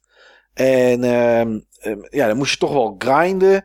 En je moest vaak door een beetje trucjes uit te halen. Door bijvoorbeeld, weet ik veel, heel veel potions. Of, of door te weten dat een tegenstander slecht tegen vuur kon, dan de hele maar dingen met vuur doen. En, en ja, ik weet niet. Dat, dat viel gewoon tegen. Ik had heel erg veel zin. Begin vorig jaar in die, in die game. Ik denk, hey, een klassieke RPG, dat is wel weer een keer, uh, dat is wel weer een keer leuk. Maar uh, nee, uiteindelijk Lost Sfeer, dat, dat was hem toch niet. En dat vond ik wel, uh, vond ik wel zonde. Ik heb er ooit mee in mijn hand gestaan. Toen heb ik jou opgebeld. Want Klopt, je had ja. toen net die, uh, die Mike's Minutes uitgebracht. En jij ja. wilde niet jouw mening door laten schemeren. Dat was heel duidelijk te merken in die aflevering. Maar aan alles hoorde je wel dat je niet goed wist wat je ervan moest vinden of van moest zeggen. Ja. En daarom heb ik toch maar gebeld. Ik dacht 15 euro of zo dat die kostte. En toen zei jij, laat hem mooi staan. Ja, ja, ja, ja, daar ben ik nog steeds van mening. Ja, ik heb laat hem maar mooi, uh, ja. ja. Ja, laat hem maar mooi staan. Uh, voordat ik terug naar jou ga, pak ik er gewoon nog even eentje bij, Niels. Uh, Steve zal het niet met me eens zijn, want die heeft een hele andere ervaring met deze game. Maar een game die voor mij echt wat tegenviel was A Way Out. Dat vond ik, uh, ja. ja. dat vond ik echt een verschrikkelijk stukje non-programmeerwerk. Uh, er zaten zoveel bugs in. Ik vond het zo uh, oninteressant. Ik, nee, ik kon daar helemaal, helemaal niets mee. Ja, er zat gewoon te veel in dat afbreuk deed aan de, aan de ervaring. Uh, in die gevangenis met, met, met ramen die zomaar open waren. Guards die je niet zien terwijl ze op het dak lopen en jij uh, elkaar op de, op de rug klimt. Uh, ja, ik weet niet, twee keer een, we hebben twee keer een bug gehad. We speelden hem co-op online. Dat, dat de game gewoon hing. hitboxen die niet registreerden af en toe. Het schieten was verschrikkelijk. Het rijden was verschrikkelijk. Nee, dat was echt uh, een, een, game die het voor mij niet, uh, niet was uh, in 2000. Het is allemaal niet mijn ervaring inderdaad, ja. Nee, nee, dat weet ik. Nee, nee. Dat is, dus daarvoor wist ik zeker dat hij niet bij jou op het lijstje stond met teleurstellende games van 2018. Keer. Nee, zeker is... niet. Zeker niet. Nee, nee, voor mij was dat, een, was dat niks. Niels, wat heb jij nog op je lijstje staan? Nou, de volgende titel, uh, die had ik al op het forum geplaatst. Daar heb ik al feedback op gekregen, vooral van mensen die het daar niet mee eens waren.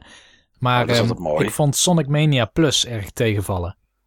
Oké, okay, die heb ik niet gespeeld. En nou moet ik wel zeggen dat, kijk, de klassieke Sonics die hebben nooit echt geklikt. Ik heb vaak ze echt leuk vin willen vinden. Uh, ik heb op Sonic Knuckles na ook al die 16-bit Sonics. En ik heb deel 1 zeker tien keer geprobeerd. Ik heb deel 2, de helft daarvan, geprobeerd. En ik vind deel 1 op zich nog wel gaan. Uh, omdat die wat lineairder aanvoelt. Maar de non-lineariteit van die... Of eigenlijk de multilineariteit, misschien moet ik het zo noemen. Dat is iets waar ik gewoon heel weinig uit haal voor mezelf. En uh, die Sonic Mania Plus, dat is volgens mij de beste Sonic voor mensen die Sonic 2 echt super gaaf vinden. Uh, het heeft veel verschillende paden naar de finish. Uh, bovenlangs, uh, misschien teruguit en daardoor via buizen onder in het level toch weer bij de finish terechtkomen. er zijn echt verschillende manieren om er te komen. Alleen voor mij is Sonic altijd zo'n spel. Dan ga ik naar rechts, in één keer versnel ik zonder dat ik dat per se wil. Dan word ik door drie loopings heen geschoten en, dan, en door een bumper sta ik in één keer weer stil. En ja. dan zit je in een of ander kamertje. En dan, dan, dan kun je niet links of rechts eruit, want je bent er ingevallen van bovenaf. Dan moet je rechtsboven eruit. En dan wordt het een soort van bijna platforming escape room om de bovenkant te bereiken. En dat gaat dan weer heel lastig, want die physics die slaan natuurlijk nergens over. Je, je hangt veel te lang in de lucht. Dan mis je daardoor het liftje wat uh, op en neer aan het gaan was. Het is voor mij elke keer zo'n hey, ik heb ineens snelheid en hey, ik zit in één keer weer vast. Ik moet een uitgang vinden. En dat, elke keer ga ik zo door een level heen en, en daar haal ik gewoon te weinig uit. Oh ja, Sonic CD heb ik ook nog gespeeld. Die heb ik op Steam gekocht. Dat is ook zo- zo'n spel. Misschien Ja, ga ik het dit man. jaar nog proberen. Ga ik gestaag eh, voortgang maken. Ik heb denk ik een level of 6 uitgespeeld uiteindelijk. Met lange tanden mag ik wel zeggen. Ehm, ik denk dat het gewoon niet voor mij is. Nee, eh, ik, eh, ik voel je pijn. Ik kan het ook niet. Hmm. Sonic vind ik echt... eh, ik, vond Sonic pas leuk toen ik Sonic Adventure speelde op de Dreamcast. Ja, precies. Die Eh. 3D Sonics, die vind ik leuker. Precies. Ja, ja Dan kun je daar nog in kan ik wel wat als mee. speler een intentie hebben. Ja, want inderdaad, wat jij zegt, je gaat lopen, dan gaat hij rennen, dan pak je muntjes op, twee loopings, een bumper en in één keer of tegen een muur aan, of je staat in een spijlen, ben je in één keer weer al die ringen kwijt. En dan gaat hij weer lopen alsof hij door de blubber begint en dan in één keer weer hard. En dan Ja, weet ik, het, het draait een beetje om memorisatie van je levels, hè? ja, je moet het maar, gewoon vaker spelen. Ja, maar dit, ik, haal, ik haal er geen plezier uit, omdat als het zo snel gaat, ik niet het gevoel heb dat ik nog in controle ben, zeg maar.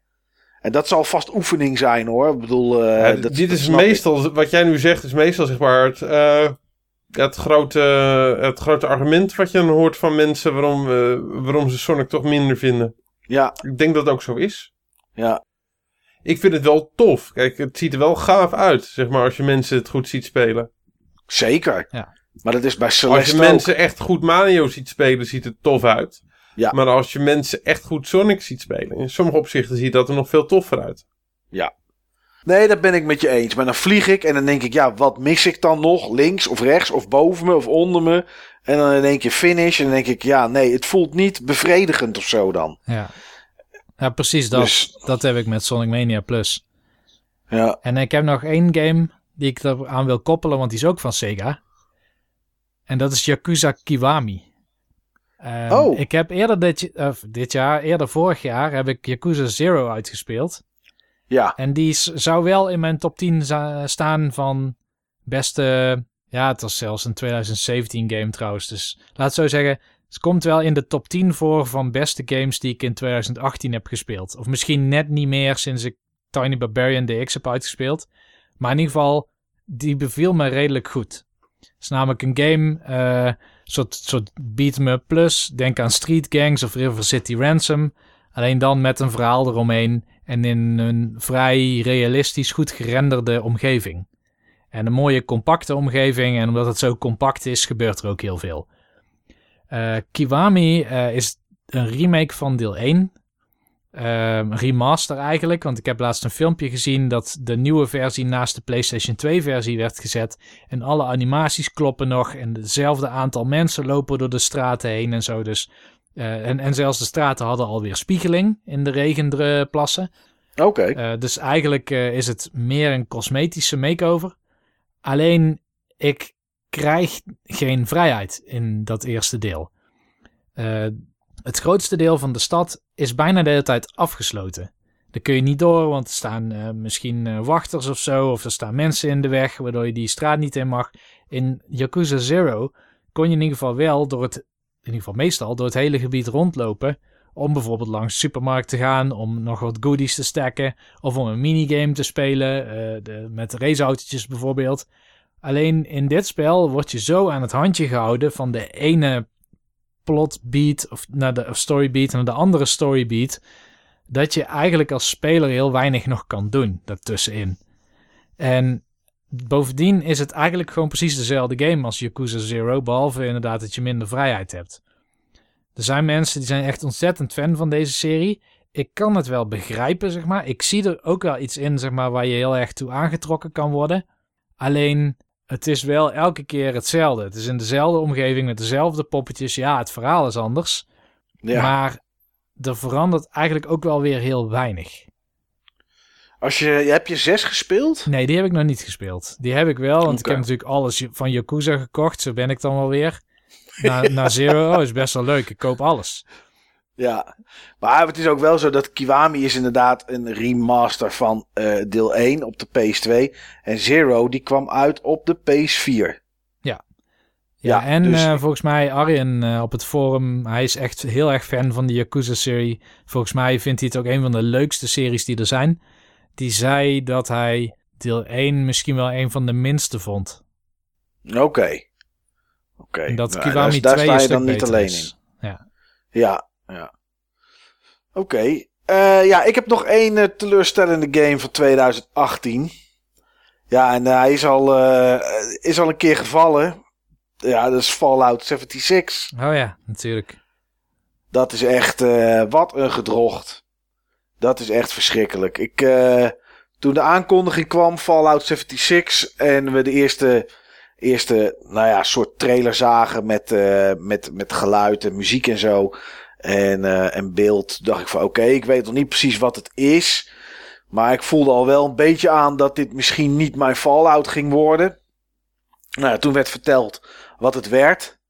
Ehm toen was ik eigenlijk al een beetje teleurgesteld. Omdat ik zoiets had. Dus misschien ben ik er ook eh, niet helemaal juist aan begonnen.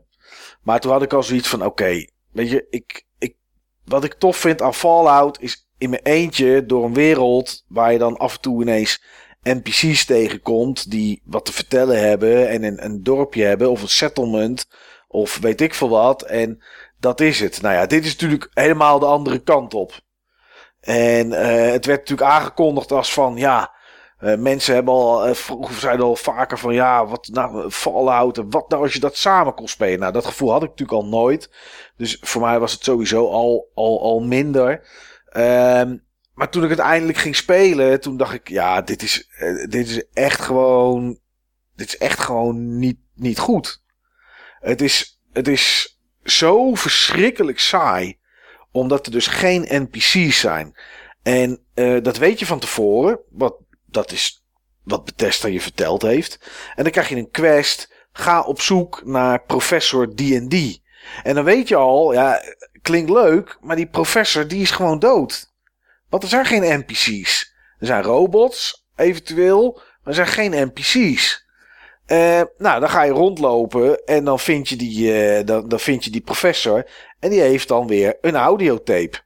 Nou, dan speel je die audiotape af. Duurt soms 3,5, 4 minuten. Zijn er ook nog wel audiotapes die langer zijn. Maar ja, je staat wel in een wereld die ongoing is. Dus als je daar staat te wachten, of ook als je staat te craften of wat dan ook. En er komen tegenstanders aan, dan gaan ze je, gaan ze je aanvallen. Als je het co-op speelt met een groepje en je bent met mensen die, uh, ja, wat krijg je?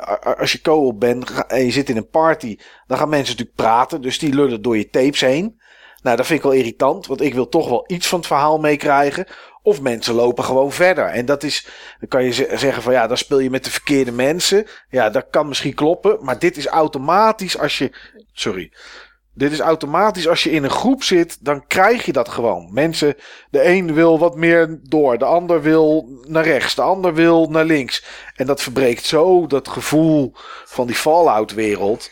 Uh, ja, nee, dat is echt. En dan hebben we het nog niet eens over alle ellende eromheen met, met plastic tasjes en, uh, en dat soort dingen allemaal. Want ik kijk puur alleen naar de game. Maar dit, nou nee. En het, het was ook zo kapot. Het is nog steeds kapot, maar zo kapot als ik weet niet wat. Vets, ja, ik snap dat Vets, dat is het systeem wat in uh, 3 en 4 uh, zit.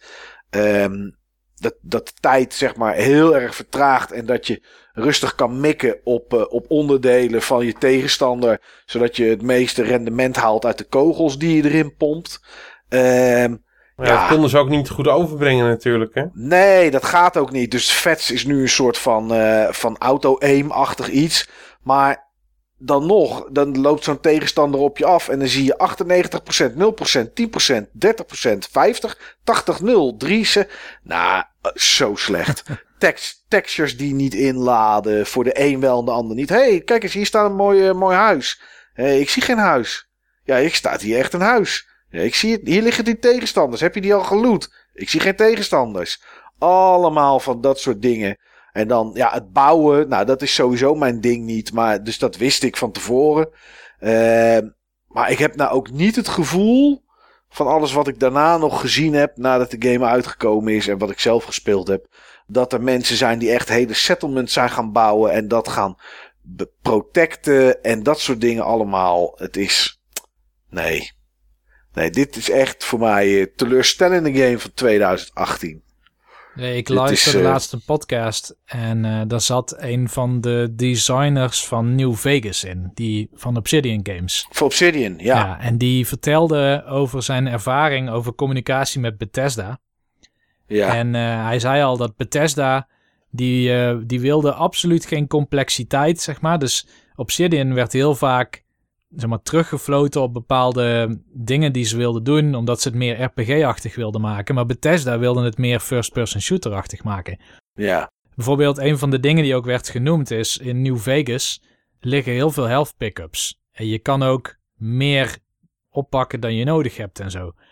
Ja. En dat was iets wat ze eigenlijk niet wilden, want ze wilden dat jij heel goed nadacht van heb ik deze health pickup nodig, kan ik die meenemen, moet ik die meenemen?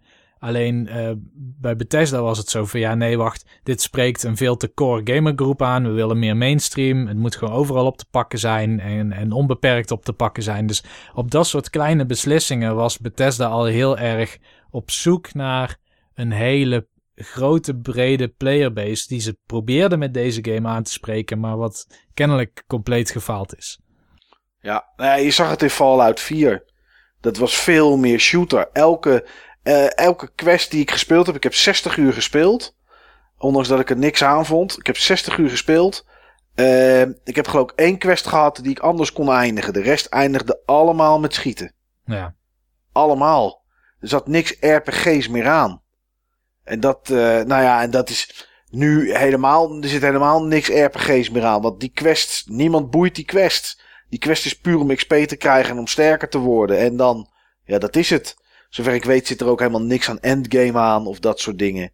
Eh, nee. Er is één dingetje voordat we doorgaan naar eh, waar we naar uitkijken in eh, 2019. Waar ik even afvroeg, jongens, of jullie daar nog iets van hebben meegekregen voor de rest. Qua, eh, qua wat is er gebeurd met. Wat is er eh, gebeurd voor de rest met Nintendo Labo? Ik weet dat er 14 september is er nog een Toy-Con 3 uitgekomen. Dat was met voertuigen. Ik kan terugvinden dat ze in eind juli hebben gezegd dat er 1,4 miljoen kits verkocht zijn. Maar hebben jullie voor de rest daar ooit nog iets over gehoord? volgens mij heb ik wel in een van die latere financial briefings teruggezien dat ze wel meer eh, labo-connectie in ook toekomstige Nintendo games voor zich zien. Maar ik weet niet wat dat dan betekent of dat ze ook nog nieuwe kits uit gaan brengen. Eh, ik ken maar twee mensen die het hebben geprobeerd überhaupt. En Ja, dan bedoel ik niet mensen van het forum of zo, want er waren ook wel een stuk of twee, maar ik ken twee studenten die eraan zijn begonnen. En als je kijkt ehm, in hun, eh, want je kunt van iedereen die, eh, die in je vriendenlijst staat ook zien hoe lang ze iets spelen. Dan heeft dat de vijf uur niet gehaald in totaal, bij beide. oké. Jeetje. Hmm. Eh, het bouwen van het labo, dat, dat moet je ook natuurlijk een diskje erin hebben, hè, Ja. want dat praat je er doorheen. Ja, Ja, ja, dat laat je zien hoe je het in elkaar moet steken en waar wat moet inderdaad. Waar ik met name complimenten voor heb gehoord, is van dat er eh, veel mensen vinden dat ze nog nooit zulke intu- eh, intuïtieve tutorials eh, hebben gezien over hoe je iets moet bouwen. Hmm. En met zoveel plezier erin. Ja, Ehm, mensen die zeiden van, joh, kan Nintendo voortaan niet, zeg maar, eh, de instructies maken voor Ikea? ja, ik, ehm, ik, ik had er, zeker nadat ze het zo groot aankondigden, ik, eh, ik, ik zag er wel wat in. Niet voor mezelf, ik, ik, ik had verwacht dat het gewoon groter zou zijn. Ja, ik denk dat timing ook, zeg maar, wel een dingetje eh, is geweest. Ehm, want ze hebben dit natuurlijk aangekondigd precies, zeg maar, voor ehm, tijdens, eh, tijdens de lente en in de zomer. En we hebben gewoon een hele mooie lente en een hele mooie zomer gehad. Ja, kinderen spelen dan niet binnen, joh. nee. Dus ehm, dit, dit was een mooi herfstproduct geweest. Ja. Ja, Lekker nee, samen binnen het, knutselen. ik vroeg het me af. Ik kwam dat ding, ik kwam dat tegen en toen dacht ik van ja. Wat is er, eh, wat hebben we... eh, ik ken helemaal niemand in mijn persoonlijke kring überhaupt die het gekocht heeft. Inderdaad wat mensen op het forum. Maar dat is het dan ook. Dus, eh, nou ja, goed. Ik, ik kwam het gewoon tegen. Ik denk, ik, ik, ik roep het eens. Kijken wat... eh, misschien heeft een van jullie het eh, ooit Geen mega geprobeerd. hit. Maar... Dit is... eh, Labo is niet een nieuwe Amiibo. Nee, nee, dat zeker, Zeker, niet. Nee. Goed, we hebben nog twee dingen te doen, jongens. En eh, dat is waar kijken we naar uit in 2019 en dan gelijk even meenemen waar we naar uitkeken voor 2018. Om te kijken wat we daar eh, nog eventueel mee gedaan hebben. En Game of the Year van 2018. Eh, laten we even een kleine break doen. Kunnen we even de benen strekken. En dan gaan we daarna eens eventjes het laatste onderdeel aansnijden van dit jaaroverzicht.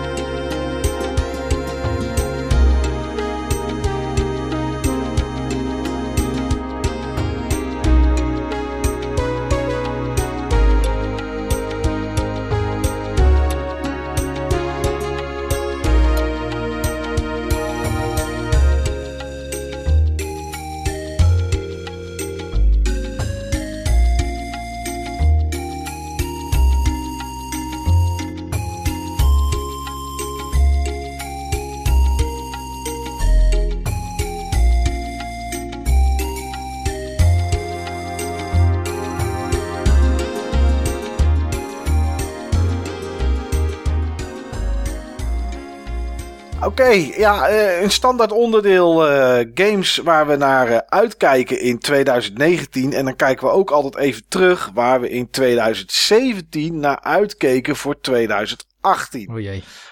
Eh, ja, ehm, eh, Steve, als ik bij jou begin. Je keek uit naar Spider-Man. Naar Ja. Days Gone. Maar goed, die is nog niet uit. Die is er niet uit. Monster Boy and the Cursed Kingdom. En Bloodstained. Nou, Bloodstained is ook nog niet uit. Oké, ik- eh, Monster Boy in the Cursed Kingdom. Ja, Die heb ik toevallig vandaag fysiek binnengekregen. oké. Netjes. Daar heb ik, Ik echt, heb, eh, heb ik echt moeite voor moeten doen eh, trouwens. Ja, Want die game is heel beperkt uitgekomen. Alleen in Amerika. Nog niet in Europa. Ik heb er mijn twijfels bij of die ook echt in Europa uit gaat komen. Hij was alleen te koop bij een x-aantal Amerikaanse webwinkels. Was hij overal uitverkocht. Ik heb hem bij Play Asia gekocht. Oké. Nou, dan ga ik er eh, niks over zeggen. Dan gaan we het daar, Die wil, wel ik echt, die, wil ik echt, eh, die wil ik echt spelen. dan gaan we het daar wel een Ehm, keer over hebben als je hem gespeeld hebt. Ik heb er Ja. eh, inmiddels Ik heb, een wel, uur een- ik heb wel een fout gemaakt, vind ik zelf, inmiddels. Wat dan? Ik heb hem gekocht op de PS4. Oké.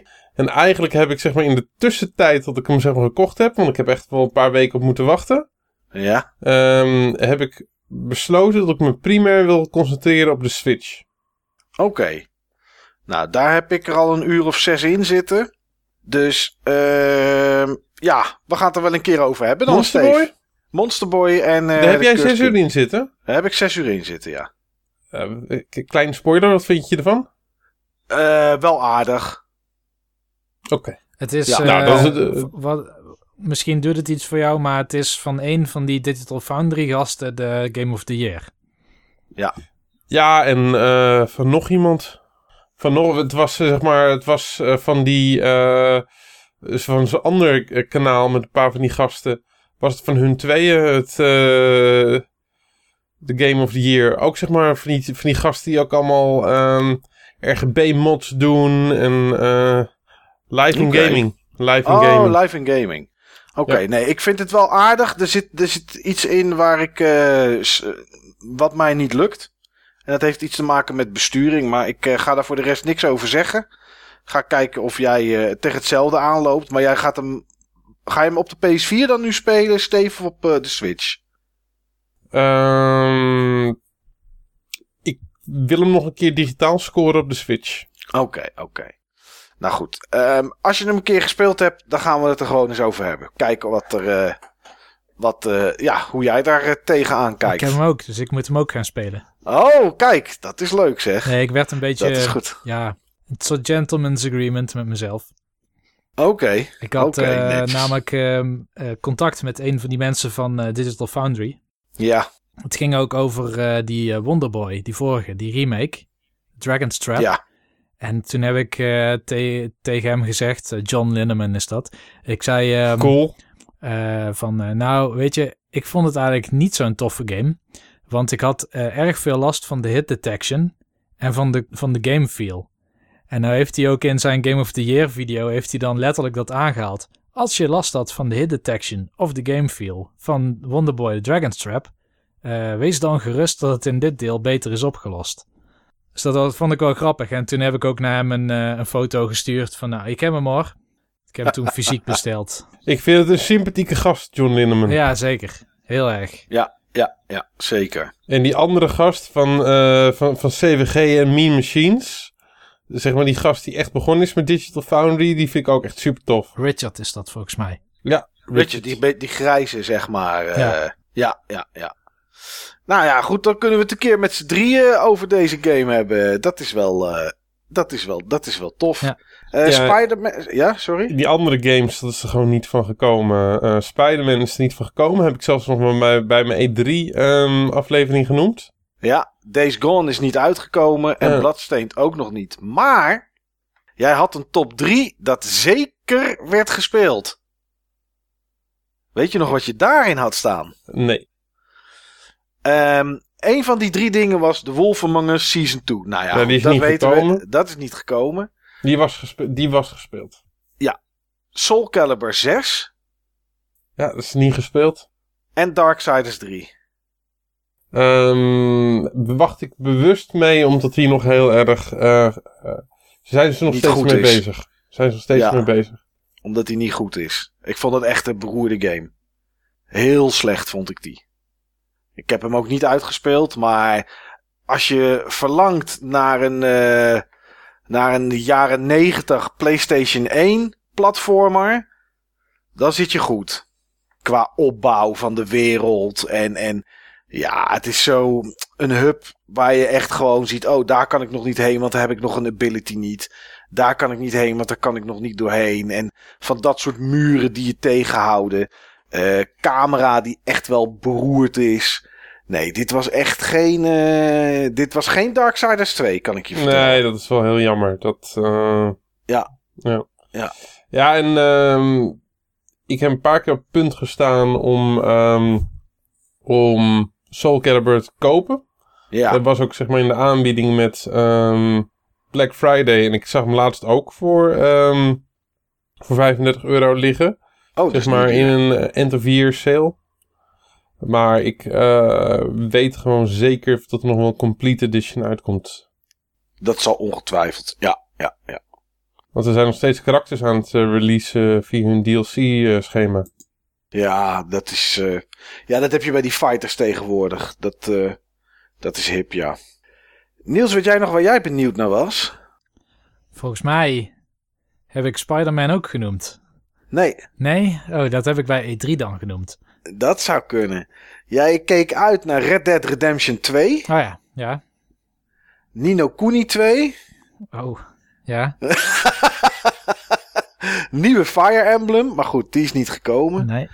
En Valkyria Chronicles 4. Oké, ja. Ehm, nou, het goede nieuws is Waar, Valkyria... waar kwam die laatste vandaan? Ja, weet ik ook niet. Valkyria Chronicles 4, daar keek hij naar uit voor de Switch. Ja, en dat was volgens mij nog voordat er een demo van was. Maar eh, Valkyria Chronicles vond ik een heel gaaf spel. Die heb ik twee keer gekocht. Eén keer op... eh, Eén keer PS3 en één PS3 keer op, en op vier. PS4. Ja, precies. Die remaster. Die remaster wil ik ook gaan spelen dit jaar. Ehm, en omdat ik daarna dan deel 4 wil gaan doen. Die heb ik wel gekocht, maar nog niet gespeeld. Ik heb de demo gespeeld trouwens, dat wel. Oké. En die vond ik echt heel leuk. Hmm. Nino Kuni 2 heb je niet gespeeld. Eh, nee, eh, veel getwijfeld. Eh, daalde ook enorm in prijs. Heb ik vorige week gekocht voor 12 euro. Dat is niet duur. Nee, ik, ik twijfel nog over die titel. Er zijn Hmm. aspecten die spreken me heel erg aan. Er zijn heel veel reacties die ik lees die hem in het rijtje waar we net uh, doorheen zijn gekomen, met grootste teleurstellingen hebben genoemd. Ja. Ik weet het gewoon niet met die game. Uh, Hij zal uh, beslist niet duurder worden. Er is nog steeds heel veel stok, ook al is die zo goedkoop. Dus ja, ik heb ook geen haast, moet ik zeggen. Ik kan hem erbij dat pakken op het moment dat ik denk, ik ga hem nu spelen, dan kan ik hem ook gewoon kopen. Dat gevoel heb ik. Ja, ja, ja. En Red Dead Redemption 2? Uh, heb ik niet nog. Wel veel gezien op het werk. En weet je, Rockstar doet er altijd heel erg lang over om met de prijs te dalen. Um, ja. Winkels uh, zitten vaak wat anders in elkaar met acties en dergelijke. Ik wacht eigenlijk op een goede actie bij die game. Maar um, ik weet wel zeker dat ik die ga spelen. Ik denk niet dat het een spel is wat ik echt uit ga spelen. Ik heb uh, de controller in mijn handen gehad en ik vond het behoorlijk stroef spelen. Uh, ja, er zijn wel wat settings die je kan aanpassen om het wat prettiger te laten voelen hoor. Als je, dat, als je dat wil. Ja, inderdaad. Dat is in ieder geval fijn. Maar het schijnt ook wel de grootste input lag te hebben van alle games deze generatie. Ja, ik geloof 54 milliseconden voordat er iets gaat, gaat gebeuren of zo. Ja, en dat is. Kijk, ik denk dat een milliseconde of 30 is voor heel veel games gewoon acceptabel. Dat is ook gewoon wat we gewend zijn. Um, als jij veel op een keyboard speelt die aan een computer is aangesloten, dat doe ik heel veel voor muziek maken, dan heb je al last van 20 milliseconden. En bij 10 ongeveer wordt het acceptabel, weet je wel? Dan heb je eigenlijk niet meer het idee dat er vertraging op de lijn zit. Nee. 50 is gewoon vijf keer zoveel. Als het punt ja. waarop ik het net niet meer. Uh, waarop ik er net niet meer last van heb.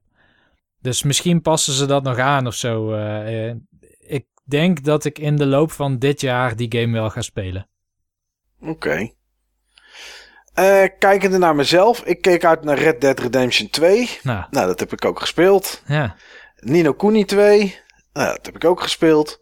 The Last Night. Maar daar hebben we niks meer van gezien na vorig jaar de E3. Is dat die hele stilistische, zeg maar, een mengsel van een soort van 16-bit en dan ja. dikke effecten eroverheen? Ja, ja, een beetje die noir-achtige, leek een beetje op een side-scrolling adventure game of zo, toen bij Microsoft ja. Was dat.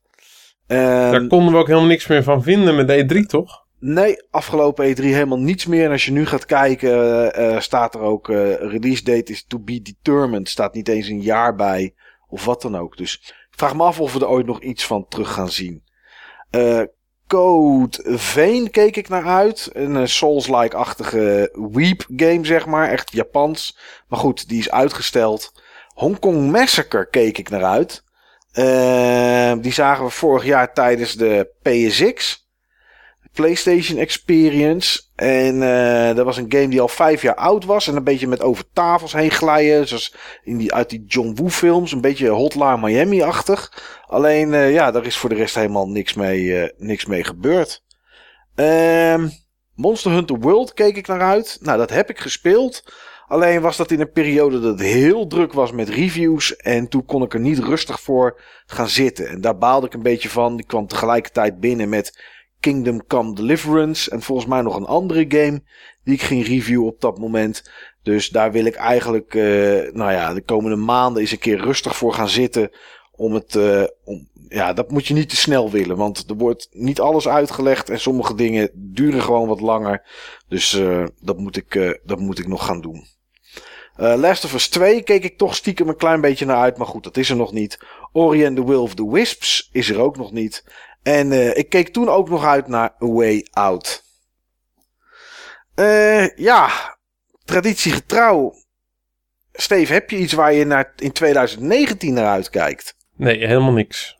Helemaal niks? Helemaal, helemaal niks. Oké. Okay. Ik uh, ga dat ook niet meer doen. Ik ben daar gewoon klaar mee. Ja. Ik, uh, ik heb nog zoveel dingen liggen om, om te spelen. Ik heb zo'n grote backlog. Um, dingen waar ik, waar ik dan naar uitkijk. Vaak komt het er uh, niet van. Ik heb besloten dat ik mezelf er niet meer op die manier mee bezig ga houden. Tenzij ik echt gewoon erg uh, door iets gehyped ben. Ja, precies. Als je het ziet dat het komt en het komt, is het prima. Maar er is niks waar je op dit moment. Nee, ik, uh, ik, meestal zijn het toch ook vaak, de, vaak meer, zeg maar, de. Uh, ja, meer de echte reviews. Wanneer zeg maar, die dingen ook gewoon zeg maar, bij, bij mensen in hun handen komen. Ja. En je, ja, maar de dingen vooraf, het is ook zo weinig waard, joh. Ja, dat klopt. Maar toch ga ik wel zo mijn lijstje opnoemen. Want Ja. ik heb toch wel wat dingetjes. Ja, Heb prima. jij, eh, maar, ja, maar ja. ik, ik, heb wel een paar dingen eh, waar, ik dan, waar ik naar uitkijk, die ik wil noemen. Ja, natuurlijk. Ehm, waar ik naar, een van de dingen waar ik echt naar uitkijk, ehm, is een nieuwe en verbeterde Switch. Mhm. Ehm, ik heb gezien dat ik op dit moment echt eh, mijn meeste gametijd uit de Switch haal. Ja. En ik begin het apparaat gewoon meer en meer te waarderen. Ehm, ik vind het ook echt een, een heel mooi apparaat. Maar het is wel zo, als die zeg maar verbeterd kan worden. ehm, dan zou ik dat zeker ook, eh, ja, zeker ook gewoon eh, geld voor over hebben. En dan kijken we naar scherm, processorkracht, dat soort dingen, Steve? Scherm, Of- processorkracht, eh Ja. accuduur, en dat soort dingen. Dat vind ik echt wel eh, prima. Ja, ja. Toevallig vroeg vandaag iemand aan mij ehm, van wat moet ik kopen en twijfelde dan tussen PS4 en Switch. En ik zei ja, ik denk PS4 is nu goedkoop. Heel veel games kun je daar ook voor kopen. Dus de redelijke grootste games zo'n beetje. Ja, op eh, Zelda en eh, Mario en nog een paar dingen, Smash en zo na. Maar eh, heel veel grote games kun je ervoor halen. En toch neigde hij dan iets meer naar de Switch. En toen vroeg je of dat hij moest wachten op die revisie. Ik zei ja, kun je tot ongeveer juni wachten? Ik geef het tot juni om aangekondigd te worden. Maar om heel eerlijk te zijn, ik verwacht zeg maar dat de grootste verbetering die een nieuwe Switch zou zien, zou op die accuduur zitten. Ik denk dat ze dat eerder doen dan dat ze de kracht opschroeven. Ik denk het scherm. Ik denk het interne scherm en de... Ja, ja ik denk intern scherm en accu. Als ze iets gaan... ik eh, hoop processor. Sluit ik zeker niet uit. Gezien eh, de nieuwe 3DS.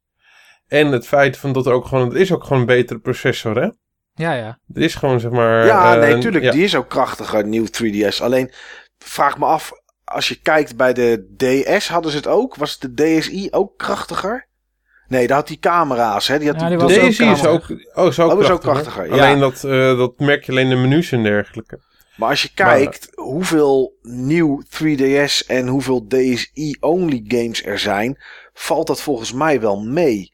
Dus ik, ik Ja, maar dat kan je anders oplossen, joh. Dat, je kan bijvoorbeeld... ehm, wat je kan doen is dat je zeg maar de, ehm, de mobile eh, versie... kan je gewoon meer gelijk trekken aan de... ehm, aan de ja, aan de, aan de versie, docked- ja. Ja, aan, versie. aan, aan de. Dat kan je in principe met elk eh, spel doen.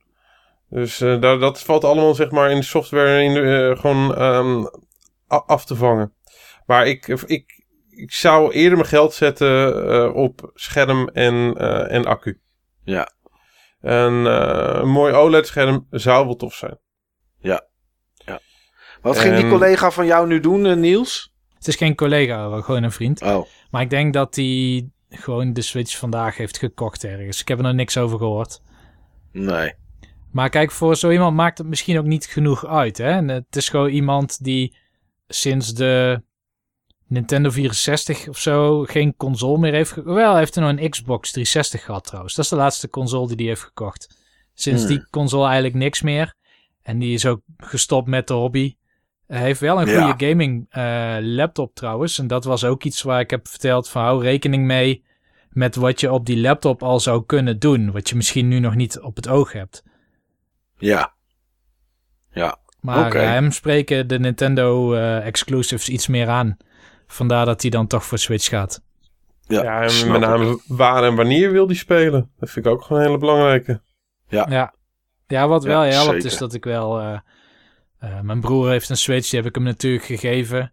Eh, bijna al mijn collega's hebben inmiddels een Switch. Het is wel een apparaat wat je inmiddels bij veel mensen ziet. En wat daardoor ook weer meer opties biedt voor hoe je samen gaat spelen. Ja, dat is wel zo. Ja, ik had, ik had laatst, dat vond ik toch wel, eh, toch wel heel erg tof eh, hoe dat werkte. Ik ging met een kameraad van mij Mario Kart 8 spelen. En ehm, die had ik bij hem nog niet aan zijn wifi zitten. En ik had al heel lang niet meer gespeeld. En, maar er was dus inmiddels een update voor. Maar die, had ik nog niet, die was nog niet binnengekomen of weet ik veel wat. En als je dan zegt dat je samen wil spelen. En dat heb ik nog nooit eerder gezien. En eh, komt ook omdat we natuurlijk zo'n systeem als dit nog nooit eerder hebben gezien. Maar wat ik heel erg tof vond, was dat mijn Mario Kart 8 zei van... Hey, luister eens, degene waarmee je samen wil spelen, die heeft een nieuwere versie.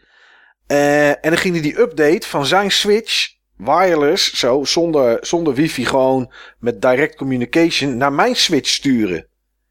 Ik denk, oh wauw, dit, dit vind ik wel een hele toffe feature. Ja, klopt. Ja, het zit gewoon goed. Het zit op veel punten gewoon goed in elkaar. Ja, Het enige wat niet goed in elkaar zit, is die hele online ervaring nog steeds. Ja. Met die app en zo, eh, om, eh, om- om te kunnen voice chatten. Terwijl het allemaal niet hoeft. Er zijn ook gewoon spellen waarbij dat niet op die manier werkt. Onder andere Fortnite. ja. Maar het is echt een mooi apparaat. Oké, dat is wel mooi om naar uit te kijken. Twee, toch nog stiekem iets anders in 2019 Waar ook ik nog verder steeds? naar uitkijk is, ehm, is de beurs in Zwolle. Daar hoop ik naartoe te gaan. Ehm, kleine slag om de arm. En verder de Buttonbashersdag, die ongetwijfeld heel geslaagd wordt. Oh ja, ja, zeker weten. Ja, Ja. ja. En meer, dan dat, eh, meer dan dat heb ik niet nodig. Ik heb zoveel liggen. Oké. Wil jij eerst nieuws of zal ik eerst gaan? Eh, nou, ga jij maar eerst. Jij geeft meestal iedereen het woord. Daardoor moet je afsluiten. Jij mag eerst. Ehm, waar ik sowieso naar uitkijk en wat ik zeker ga spelen volgend jaar, ondanks dat ik, eh, dat ik eh, moet even moet kijken hoe dat allemaal gaat natuurlijk, is eh, Rage 2. Want dat heb ik Oh ja. eh, op, de, op de Gamescom gespeeld en eh, dat vond ik zo'n lekkere lompe logge, logge shooter. Dat ga ik zeker, dat ga ik zeker spelen. Ik heb goed nieuws voor jou. Misschien kun je hem zelfs dit jaar al spelen. Oh, dit jaar. ja. ja, daar komt in mei uit volgens mij of zo. 14 mei zeg ik uit mijn hoofd. Ehm Nio 2, zeker nadat ik nu 1 aan het spelen ben, is Nio 2 een game waar ik naar uitkijk. En misschien, maar dat hangt van de reviews af, Devil May Cry 5. Ik vond de vorige wel tof, de laatste DMC Devil May Cry. Dus misschien dat, eh, misschien dat ik dit ook wel op ga pakken. Last of Us 2, misschien Vorig jaar had ik hem er wel tussen gezet, maar ik heb het toch als, als een misschien staan. Eh, ja, ik, moet toch, ik, ik wil wat meer gameplay zien, want dat heb ik het gevoel dat ik dat nog niet echt, echt heel erg heb gezien. Eh, een game waarvan ik bijna zeker weet, Niels, dat hij ook bij jou op je lijstje staat. Mhm, Doom Eternal. mhm. Eh Ori and the Will of the Wisps. Oh, die was ik helemaal vergeten. Ja. Die komt zeker dit jaar uit. En ik denk dat die ook wel in de Game Pass zit trouwens, want het is wel Microsoft. Ik hoop het. Ja. Eh, Gears 5. Ja. Maar dat spreekt voor zich. Ik kijk ook wel uit, maar daar moet ik wel echt wat meer van zien. En ik denk niet dat die dit jaar uitkomt. Naar Control. Dat is die nieuwe game van Remedy. Mhm. Die, eh, die zijn met iets bezig. Eh, Man of Medan. Of Man of Medan. Ik weet niet hoe ik het uit moet spreken. Ehm, dat is een nieuwe game van Supermassive. Die gasten van Until Dawn. En met een beetje geluk komt dat, eh, komt dat dit jaar uit.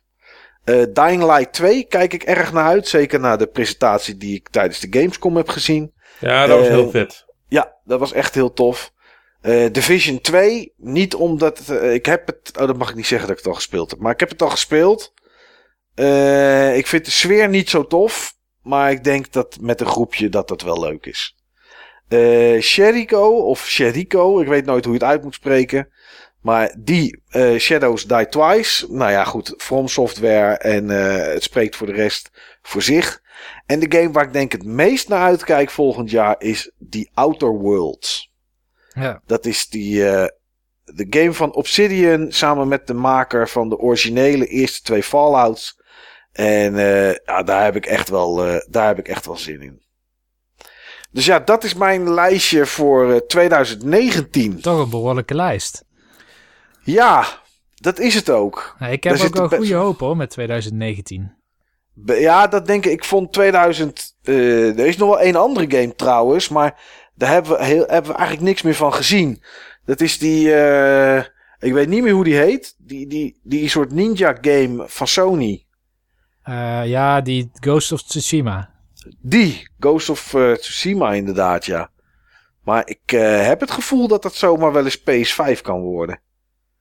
Omdat we daar ook helemaal voor de rest niks meer van hebben gezien. Ook niet tijdens de laatste E E3. Hm, nee. Dus, eh, maar goed. Ja, dat heb ik eh, op mijn lijst staan. Wat heb jij staan, Niels? Ik heb een wat korter lijstje, want ik probeerde tot drie echt kerntitels te komen.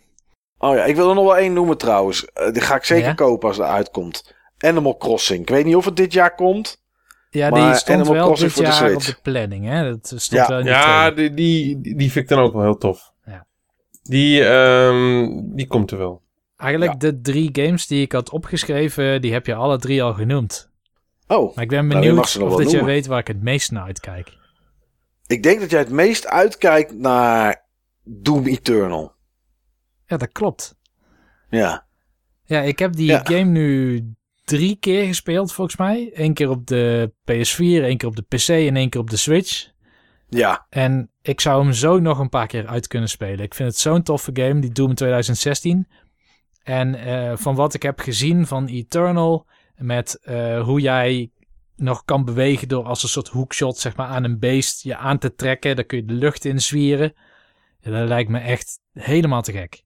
Ja, dit wordt wel. eh, dit wordt echt wel wat. Doom Eternal. En ik had eh, inderdaad eh, Animal Crossing erbij staan. En ik zag heel toevallig net iets voorbij komen in mijn nieuwsfeed. Dat Ja. wilde ik toch even oplezen. Een 87-jarige oma speelt Animal Crossing voor 3580 uur. En toen ging haar 3DS stuk. Oh. Wat Ik- sneu. Ja. Oh. Geen cloud saves. Nee, maar ze konden wel eh, de save game restoren. Want er was een nieuwe 3DS gekocht voor haar. En ehm, eh, schijnbaar met het overzetten van data. Misschien is alleen het scherm kapot. Of ik weet niet wat het niet deed. Oh ja, met dat het overzetten is het wel gelukt. En konden ze dus ook nog zien in haar profiel. dat ze 3580 uur die game heeft gespeeld. Dat is gemiddeld anderhalf uur per dag. voor vier jaar lang. Damn. Dat is Ja. geweldig. Ik vind, dat, Ja. ik vind dat echt mooi. Ik zag toevallig. eh Jo, aanhakend waarschijnlijk heeft zij omagamer.nl geregistreerd. Dat zou zomaar kunnen. Eh, of .cn. Ja. Ik zag toevallig zag ik eh, vandaag een nieuwsberichtje voorbij komen dat er een stel is, een man en een vrouw. En die spelen sinds 2001 elke dag Mario Kart op de Nintendo 64 tegen elkaar. En ze spelen ook nog om iets. De verliezer is degene die die dag thee moet zetten smiddags. en die spelen dat al elke dag sinds 2001. Ze- spelen ze met z'n tweeën Mario Kart Zwart 64. hoor. Ja, ah, dat vond ik toch wel grappig. Ja. Maar nou hebben ze een crowdfunding eh, opgezet om een Switch te kopen voor die oma. Oh, met dat is wel Animal leuk. Crossing Switch. Nou, dit, eh, dat wordt op zeker gehaald. Ja. Ja. En eh, de- op de derde, nou niet de derde plek, maar de derde titel is eh, Sekiro. Ja, Shadows Die Twice. En ik ben natuurlijk heel geïnteresseerd in Metroid Prime 4, maar daar hebben we er niks van gezien. Dus dan kun je alleen maar anticiperen op je verwachtingen. En, en hetzelfde in mindere mate geldt ook wel voor Fire Emblem. Ik weet dat Steve daar niet zo positief over was. Ehm, maar ik ben gewoon heel benieuwd naar wat ze gaan doen met dat nieuwe systeem. En het is ook de eerste grote nieuwe Fire Emblem sinds eh, Fire Emblem Heroes. Wat natuurlijk een enorm succes is geworden. Dus eh, ik, ik neem aan dat ze hier geen heel gemakzuchtige game van maken. Als ze nu op zo'n eh, ja, high zitten, zal ik maar zeggen. Ja. Ik, eh, Jo, klinkt realistisch. Ja. ja. Gaan we zien. allerlaatste,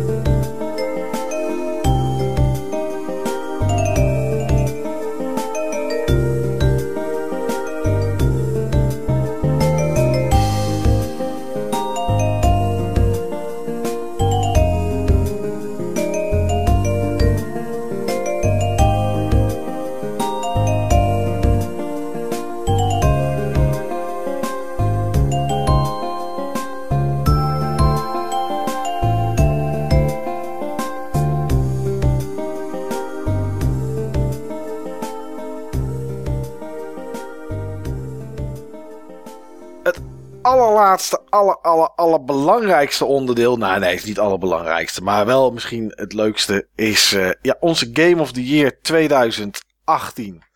Ehm ik, zal, ik zal beginnen. Ik heb geen honorable mentions. Maar ik heb wel twee games op plek 3. Dus dat is eigenlijk hetzelfde. Maar ik kon niet kiezen wat ik daar, uh, wat ik daar neer wilde zetten. En ik zal gewoon alle twee de games noemen. En eventueel, nou, ik denk niet dat het echt nodig is om te motiveren waarom. Maar op plek 3 heb ik staan als eerste Dead Cells. Dat is een game die ik uh, te weinig heb gespeeld het afgelopen jaar. Puur omdat de tijd er niet voor was. Maar ik heb er denk ik toch al wel een uurtje of 15 tot 20 in zitten. Ik ben er nog steeds niet heel erg goed in. Uh, maar ik vind dat toch wel echt een hele toffe, toffe game. Ja, het is een. Uh, we hebben het er wel eens over gehad, maar het is zo'n uh, nog even één potje game. Ja. Als je dood bent, begin je helemaal opnieuw met niks eigenlijk. Behalve een aantal upgrades die je, die je behoudt. En daarna moet je gewoon weer wapens opnieuw scoren en dat soort dingen allemaal. ja, echt gewoon een, een, een hele toffe game. En die verdient toch wel een plekje in, in top 3. Uh, de andere game die ik op een gedeelde derde plek heb staan is eentje die. Nou, ik denk niet dat iemand hem ziet aankomen. Maar ik ging door de games heen die ik dit jaar gespeeld had. En toen dacht ik, ja, deze game heb ik met zoveel plezier best wel redelijk wat uur ingedrukt. En ondanks dat ik het moest reviewen, zeg maar, was dit toch een game dat ik. ja, ik bleef gewoon spelen eigenlijk. Omdat ik gewoon benieuwd was wat er voor de rest ging gebeuren. En dat is Detroit Become Human. Oh ja, die is ook nog uitgekomen. Dat had ik wel aanzien komen. Oké. Oké. Okay. Dat die ergens in het lijstje zou staan. Ja, ja. Nee, je staat op, uh, je staat op derde plek. Ik vond het... Uh, ja, ik weet niet. Ik vond het ik vond echt je Mike's, Mike's Minutes vond ik ook heel positief. Ja, ja, ja, dat was ik ook inderdaad. Ja, ik... Uh, ik vond het tof. Ik, ik was benieuwd elke keer wel van shit, wat was er gebeurd als ik dit. En oh, ik was ook baalde ook echt als er een uitkomst kwam die ik niet wilde, zeg maar. Dus ja, dat heb ik toen in die Mike's Minutes ook wel verteld. Het, het had meer impact op me dan ik eigenlijk dacht. En uh, toen ik eraan terugdacht, dacht ik, ja, dit ondanks dat ik weet hoe het verhaal af kan lopen zou ik het misschien toch nog wel eens een keer willen spelen. Helemaal van begin tot eind. Niet halverwege een scène, maar gewoon van begin tot eind. En dan gewoon misschien andere keuzes maken. Alleen vind ik het lastig om eh, mezelf dan een andere keus op te dwingen, zeg maar. Uh, op, op te dringen dan die ik eerst heb gemaakt. Dus ja, ik weet nog niet voelt of ik dat toch een beetje als je keuze, hè? Het voelt toch een beetje als gewoon jouw verhaallijn. Ja. Ja, precies. Hè? En dan heb je op een gegeven moment heb je de keuze van: uh, oké, okay, er gebeurt iets. Wat ga ik doen? Grijp ik in en, en breek ik los, zeg maar, uit mijn, mijn, mijn Android bestaan? Of accepteer ik gewoon wat er gebeurt en doe ik niks? Ja, en het was mijn ingeving op een gegeven moment bij iets om, om wel te reageren en wel actie te ondernemen. En als ik dat dan nu weer in die situatie zit, denk ik van ja, dit zou toch het moment zijn dat ik wel ingrijp. En dan niks te doen, is dan, ja, voelt dan misschien een beetje vreemd. Maar ik zou het bijvoorbeeld wel leuk vinden, niet dat ooit gaat gebeuren, als bijvoorbeeld Bianca het zou gaan spelen. Uh, dan zou ik wel meekijken. Om te kijken wat voor keuzes zij maakt en wat dat dan voor impact heeft. Misschien moet ik er gewoon een keertje toe dwingen, zeg maar, met een pistool tegen de slaan. Oh, ben je er zo in, kun je dan zeggen. ja. Oh, dus dit doe jij, hè? Zo Wel denk ik. Echt uh, vies gedrag wat je hier vertoont. ja, dus uh, nee, Dead Cells en Detroit Become Human staan bij mij op, op drie. Steve, wat heb jij op een derde plek of een honorable mention of wat dan ook? Wat, uh... A Way Out. A Way Out, die staat op drie. Ja. Ja. Dat vond ik echt een tof spel. En ook gewoon echt een hele toffe ervaring. Ik vond mijn couch co-op ervaring met Billy vond ja. echt een legendarische game sessie. En ik ja. vond het uh, toffe karakters. Ik vond het er goed uitzien. Um, alle bugs en dergelijke die jij noemde, hebben we niet ervaren. Nee. Onze ervaring was gewoon smooth. Ik vond het eind vond ik echt briljant. Vond ik echt heel goed. Ja, um, ja dat, ik, was best, uh, dat was best tof. Ja. Um, ja, ik vond het echt een, um, een hele, hele gave indie game. Ook dit is gewoon een indie game. Het is wel een indie game waar dan door EA zeg maar extra geld in gepompt is. Ja. Maar uh, ja, wel gewoon een game die echt gewoon passie van de makers ook uitstraalt. Ja. Ik ben en ook benieuwd. een game die ik iedereen zou, uh, zou adviseren om te spelen. Maar speel hem dan wel op mijn manier, niet op jouw manier. Met twee mensen op de bank achter elkaar gewoon vijf uur, zes uur doortrekken. Ja, ja, dan ben je er wel doorheen inderdaad, ja. Ben wel benieuwd naar, het, naar zijn volgende project. Waar die, uh, wat er hierna komt. Wat creatief is die kerel altijd wel. Dat is een. Zeker. Uh, en gepassioneerd. feit. Ja, ja. ja, dat is Geweldige die ook, kerel. Echt een mooie kerel. Ja.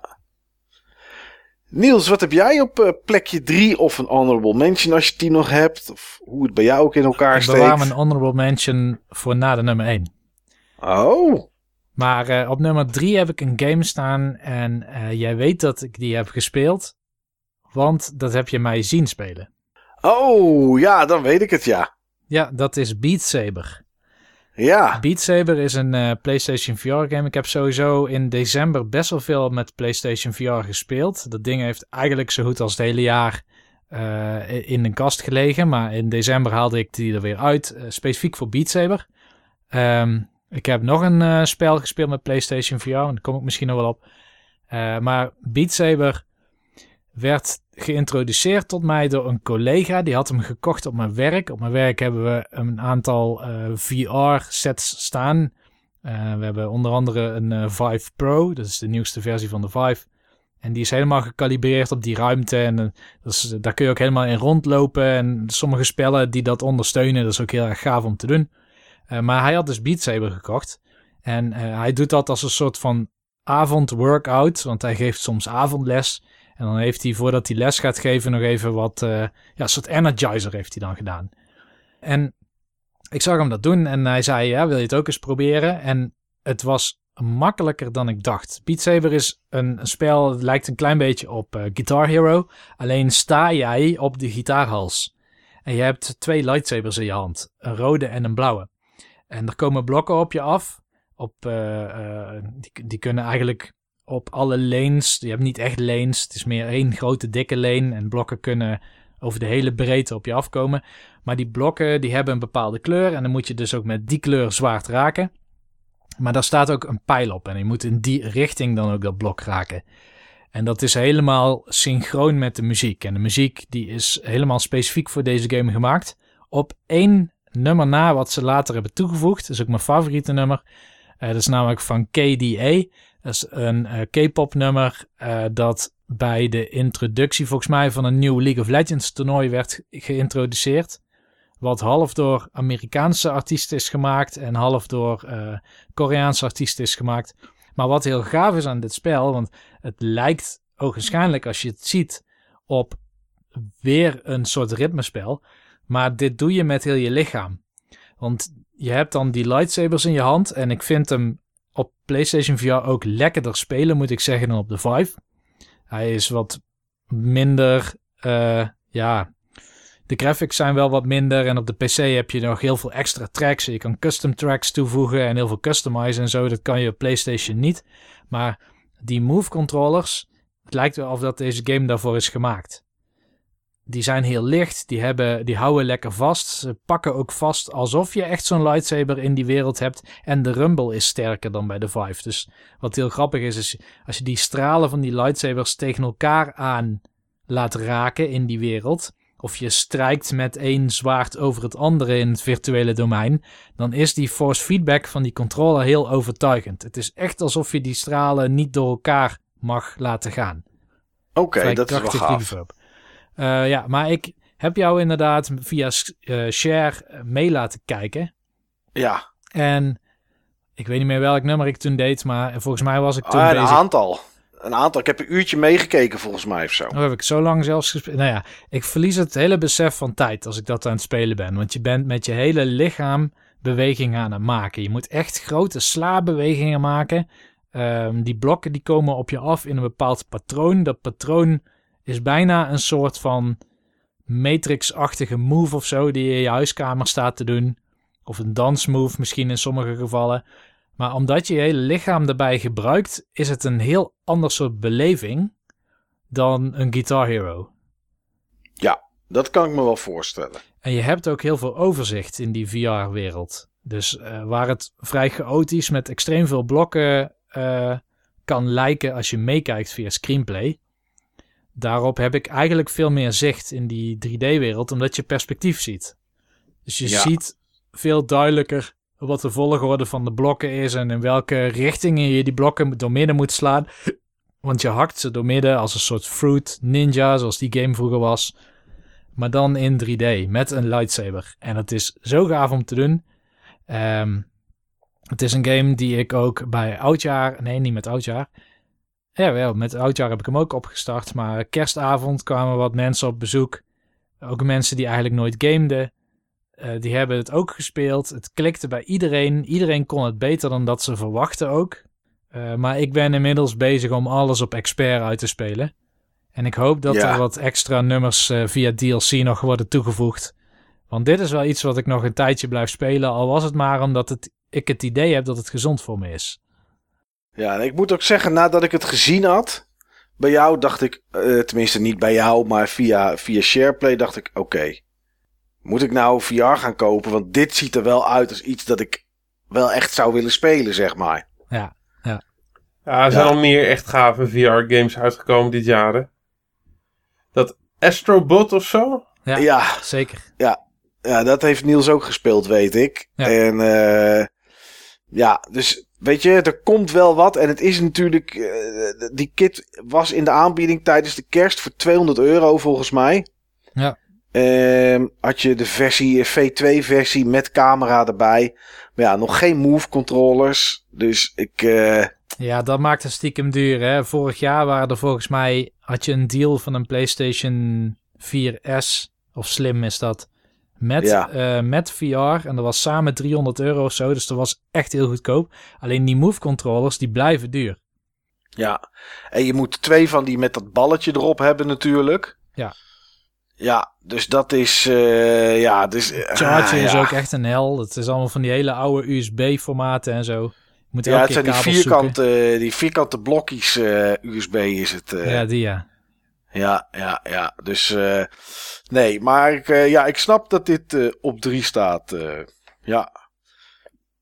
Eh, ja, mijn nummer twee is eh, Red Dead Redemption 2. Oh, Ja, dat Ik, is nog wel een lichtelijke verrassing dat dit niet jouw nummer 1 is. ja. En het had mijn nummer 1 geweest als ik de game niet had uitgespeeld. En ehm ja, hoe moet ik dat zeggen? Eh, wat, ehm, ehm, wat jij had met eh, Thumbleweed Park, had ik met eh, Red Dead Redemption. Die game had gewoon 15 uur korter moeten zijn. Hmm, Ja, Dat is het grootste probleem dat ik heb met, met Red Dead Redemption. Tuurlijk, de besturing, de input lag en zeker de input lag op het moment dat je iets wil looten of iets wil oppakken. Het targeten zeg maar van ehm, het targeten van tegenstanders de- of nee van objecten in de wereld of dat soort dingen. Dat gaat door die input lag gaat dat heel vaak mis. Dan denk je van, oké, ik sta erbij, maar hij ziet het niet. En dan geef je nog een tikje en dan loopt hij er voorbij en dan moet je weer terug. En dan draai je weer een rondje om je eigen as. En allemaal van dat soort dingen. Dat is, dat is echt wel hinderlijk. Waar komt dat Ehm, dan vandaan, die input lag? Ja, het is gewoon een hele oude engine volgens mij. Ze hebben zeven jaar aan die game gewerkt. Ehm, niet zeven jaar met programmeren, maar wel zeven jaar met schrijven erbij en dat soort dingen allemaal. En ja, ik, ik, ik denk dat het iets met de engine is die, die gewoon te oud is of zo. Of, of ja, ik weet het niet. zou goed kunnen, ja. En, ehm, maar goed, dat is wel, dat is wel een dingetje. Ehm, dan, dan, dan ben je toch aan het, ja, aan het, aan het stuntelen een beetje om items op te pakken of om te, om, te- looten of een kastje open te doen of weet ik veel wat. Dus dat vind ik, dat vind ik vervelend. En ehm, nou, de, de game bestaat uit een, ja goed, de meeste mensen zullen het wel uitgespeeld hebben, maar goed, ik zal niet spoilen. Bestaat uit een aantal chapters met, met, met nog iets daarna. En ehm, toen ik in het laatste echte chapter zat, dus niet met dat wat nog daarna komt, ehm, toen had ik zoiets van: oké, eigenlijk wil ik nu alleen maar de story missies spelen. En laat ik al die side missies laat ik gaan. Want ja, ik wilde eigenlijk gewoon vanaf nu. Ik vond het verhaal en de personages van begin tot eind interessant. En het is natuurlijk een prequel op eh, Red Dead Redemption. Dus het is heel leuk om te zien hoe ze toewerken naar alles wat er in Red Dead Redemption gebeurt. Weet ik niet zoveel meer van, maar ik weet wel wat een aantal personages die bijvoorbeeld wel blijven leven. Een aantal personages dat je niet meer terugziet in Red Dead Redemption. Dus het is wel grappig hoe dat allemaal bij elkaar komt of van elkaar weggaat of wat dan ook. Dat is allemaal wel, wel heel tof. En uh, ook tot aan het eind. En uh, ja, weet je, die, die beleving van die wereld. Die wereld leeft ook echt. En, en mensen zijn echt dingen aan het doen. En, en ja, dat is allemaal echt geweldig gewoon. Dat is echt geweldig. Alleen, ik heb ook tegen Rockstar gezegd toen ik hem uitgespeeld had. Zei ze, wat voor je er nu het uitgespeeld ervan? Het had gewoon 15 uur korter gemoeten. Het duurt echt te lang. Het duurt echt te lang. Misschien als je elke week drie, vier uurtjes speelt, dat je er dan niet zo'n last van hebt. Maar dan ga je er wel echt, uh, ja, dan doe je er een week of dertig over, denk ik. Om het, uh, om het uit te spelen. Dus ja. Dat vond ik er, uh, dat vond ik er minder aan. Ik heb Red Dead Online ook geprobeerd. waarschijnlijk zou ik dat wel tof vinden zodra er wat aanpassingen zijn. Maar voor dit moment heb ik de game verwijderd van mijn harddisk. Want dat scheelt toch weer 105 GB op mijn, op mijn PS4. Ja, maar dan weet ik gelukkig al wat, uh, wat jouw eerste plek is. En die heeft inderdaad niet het probleem van dat die te lang is.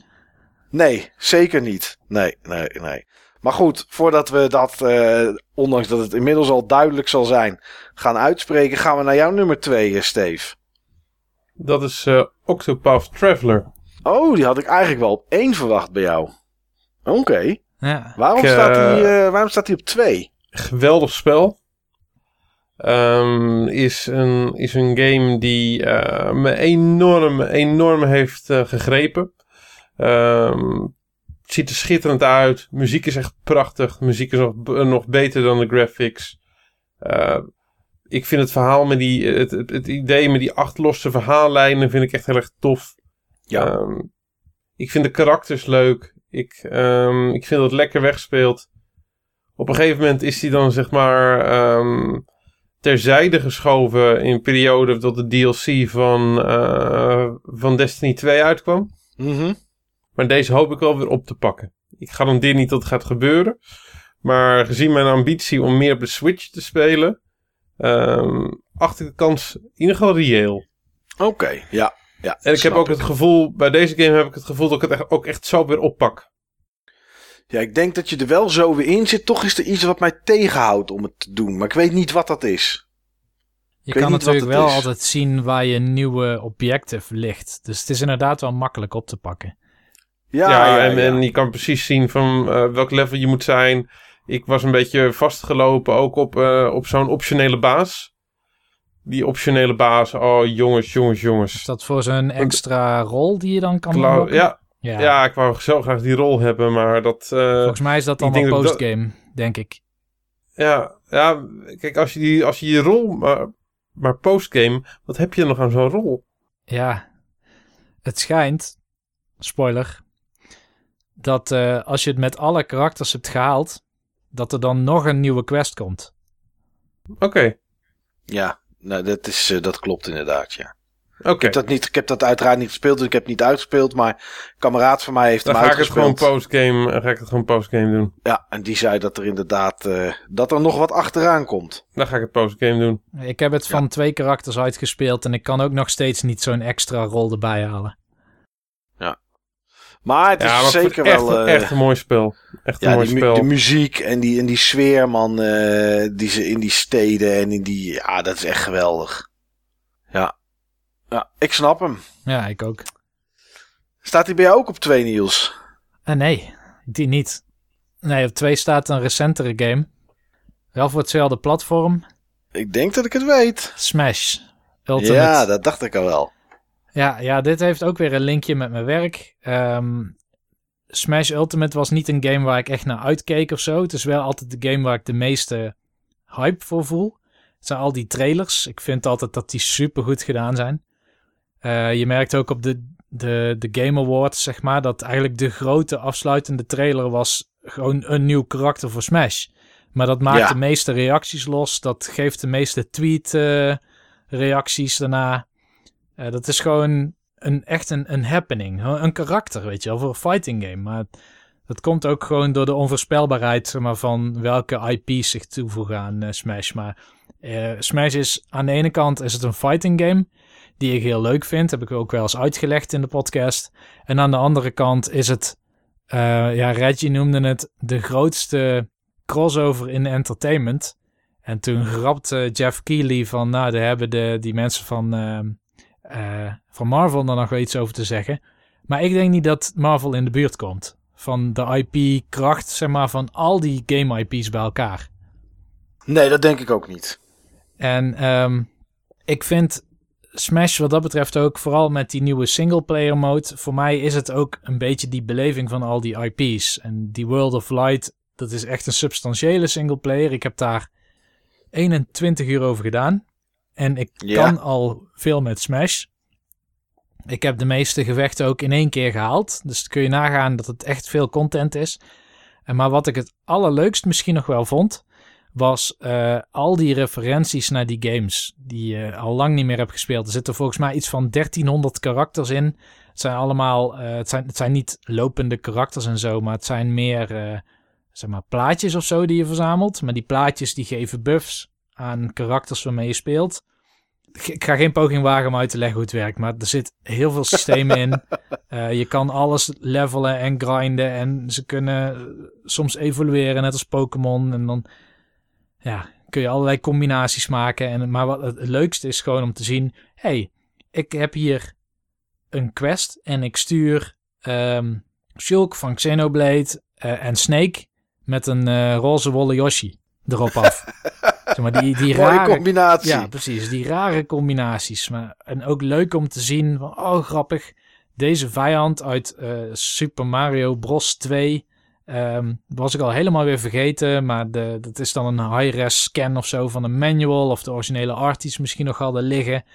Dus het is eigenlijk gewoon een enorme trip down memory lane die zich niet meer beperkt tot de Nintendo franchises, omdat nu eh, Mega Man erin zit, eh, Castlevania zit erin met heel veel karakters.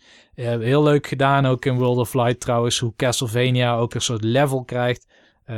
Street Fighter heeft een heel level en dan vlieg je ook met zo'n vliegtuigje, net als in Street Fighter 2, naar USA en eh, USSR en dat soort eh, dingen. Dus dat ja, er zit zo ontzettend veel passie en liefde in voor, voor gaming in het algemeen. En al die mascottes en karakters die het rijk is geworden door de jaren heen. Dat is gewoon een van de mooiste dingen.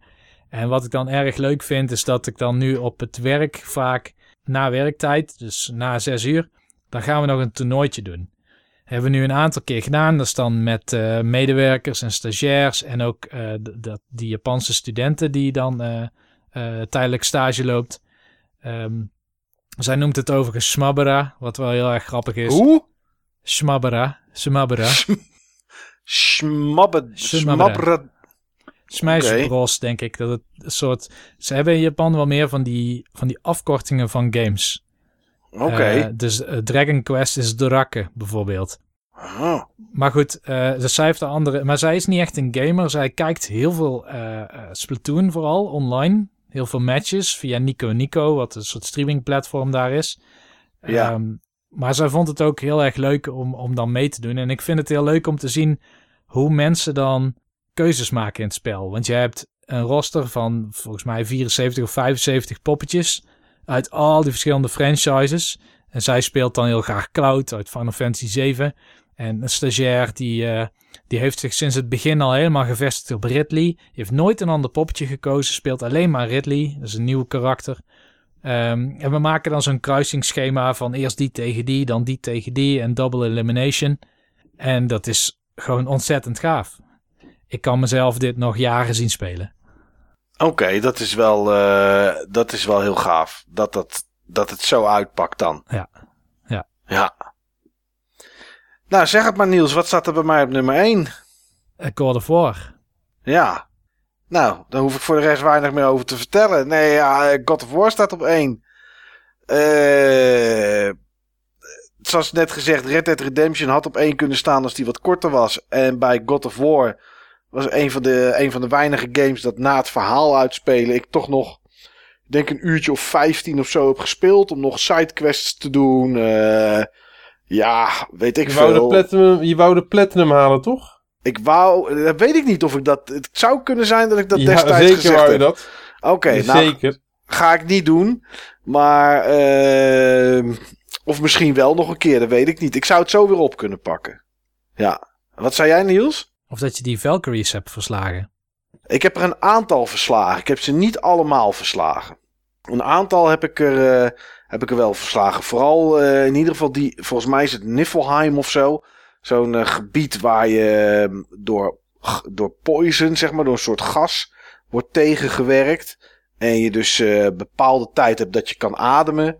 En eh, eh, daar zat de Valkyrie, die heb ik in ieder geval wel gepakt. Ja, ik heb er een aantal heb ik er wel, eh, heb ik er wel, heb ik er wel gepakt. Ik zie het ook Maar de- meteen weer voor me als je het vertelt met die poison. Dat je ja, dan moet met die poison.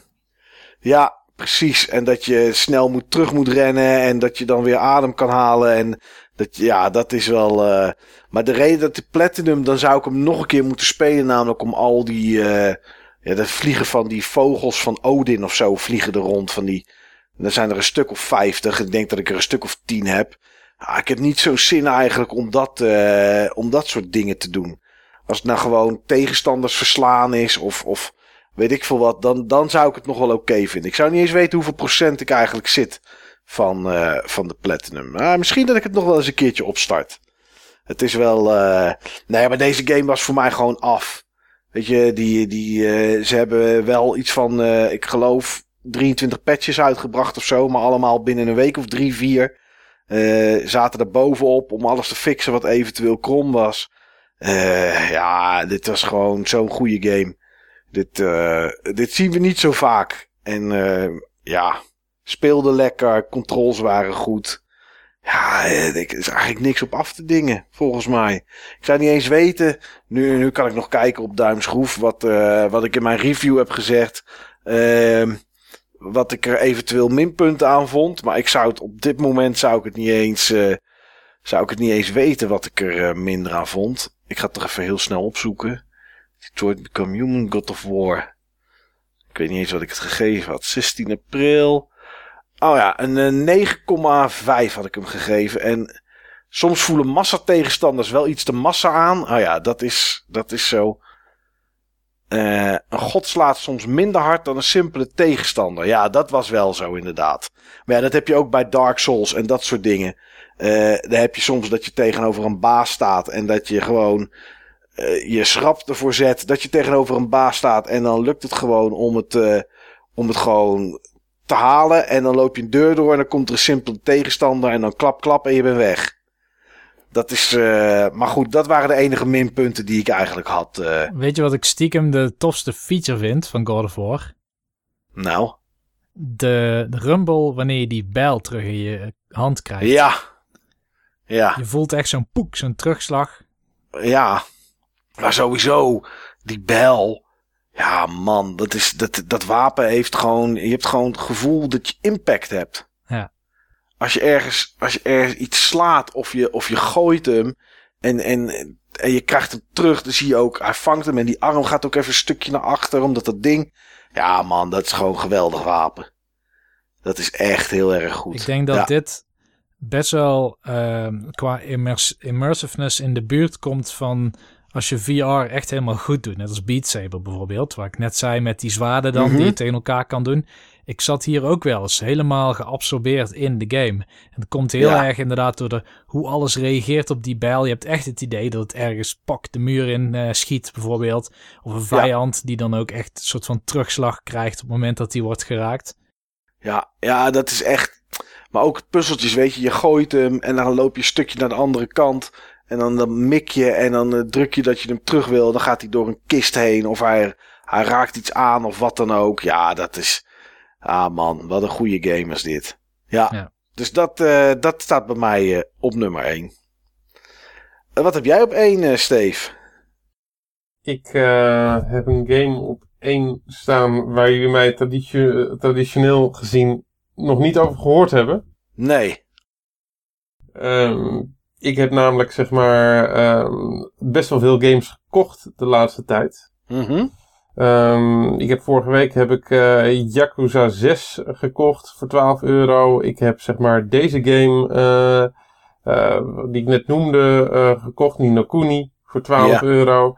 Ik heb ehm, Super Chariot gekocht. Ik heb, ehm, ik had eerder had ik op, op Black Friday ook een aantal games gekocht. Ehm, waaronder Sonic Mania Plus, Battle Chasers Oh ja, die heb ik ook gekocht, maar niet En- gespeeld. en ook God of War. Oké. Maar die zijn het allemaal niet. Nee. Nee, die zijn het allemaal niet. Ehm, de game die ik op één heb staan ehm, is in meerdere eh, opzichten uniek voor mij. Qua games die ik ooit op één heb gezet in, eh, in dit soort lijstjes. Ehm, ik heb eerder een mobile game op één gezet. Ehm, wat ik nog nooit eerder gedaan heb, is een indie game op één gezet. Hm. Ik, eh, oké. Ik kan wel iets gokken, eh, maar... Ik heb, eh, ik heb de laatste tijd heb ik een zeer uitzonderlijk, uitzonderlijk spel zitten spelen. Eh, wat ik echt fantastisch eh, eh, vind. Ik vind het echt een belevenis. Ik vind het echt een geweldige, geweldige game. Het ziet er fantastisch uit. Zoveel lagen, zoveel sfeer. Muziek is prachtig. Ehm, gameplay is enorm moeilijk, vind ik zelf.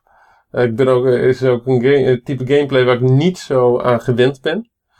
Ehm, het is, het heeft elementen van Dark Souls, maar het is eh, wel zeg maar in een 2D platformer gegoten. In dit geval is het een, eh, is het een Metroidvania game. In mijn optiek de beste Metro Metroidvania die ik ooit heb gespeeld. Ik speel de game op Switch. Op Switch is die uitgekomen in 2018. Het is eigenlijk een game uit, uit 2017, maar in pas in 2018 is die overal op uitgekomen. Het is Hollow Knight. Ah, ja. Ja.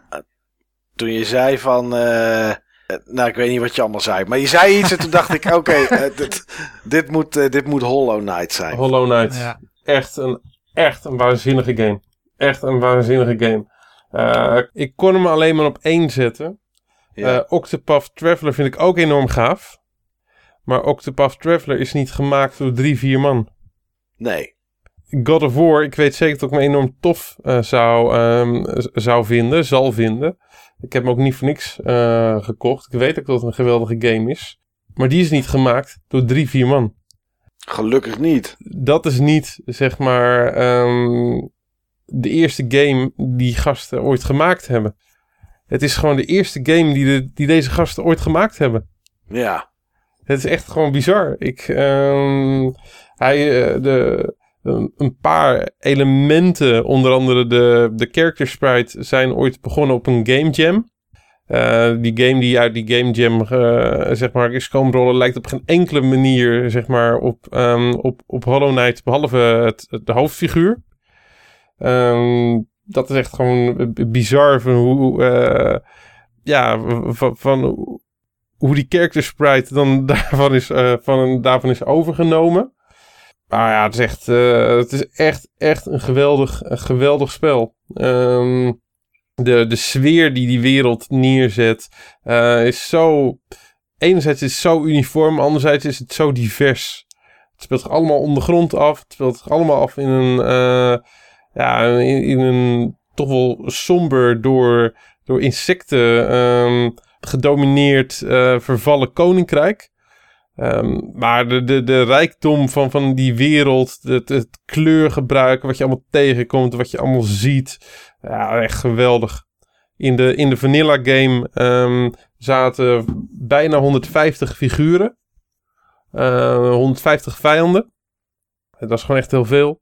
Inmiddels zijn dat er nog veel meer, omdat ze gewoon echt heel veel gratis DLC hebben uitgebracht. Het allemaal geïntegreerd met, met dat spel. Hoef, je Ja. allemaal niks, hoef je allemaal niks voor te betalen. Die hebben zeg maar echt ehm, eh, misschien wel een derde of de helft van dat spel toegevoegd aan extra DLC. Ja, ja, dat is wel mooi. Dat is Die zeker gasten, mooi. ik heb nog eventjes op hun website eh, gekeken. Ehm, de, de twee directors, dat is wel mooi. Eh, dat snap ik ook wel, dat snap ik ook wel van waar, waar dit vandaan komt. Ehm, Ari Gibson. Ari is co-director of Team Cherry. He previously ran the animation studio Mechanical Apple and has worked on countless projects across film, games en music video's. Kijk, het is niet alsof ze zeg maar nooit games hebben gemaakt. Alleen niet als team dan.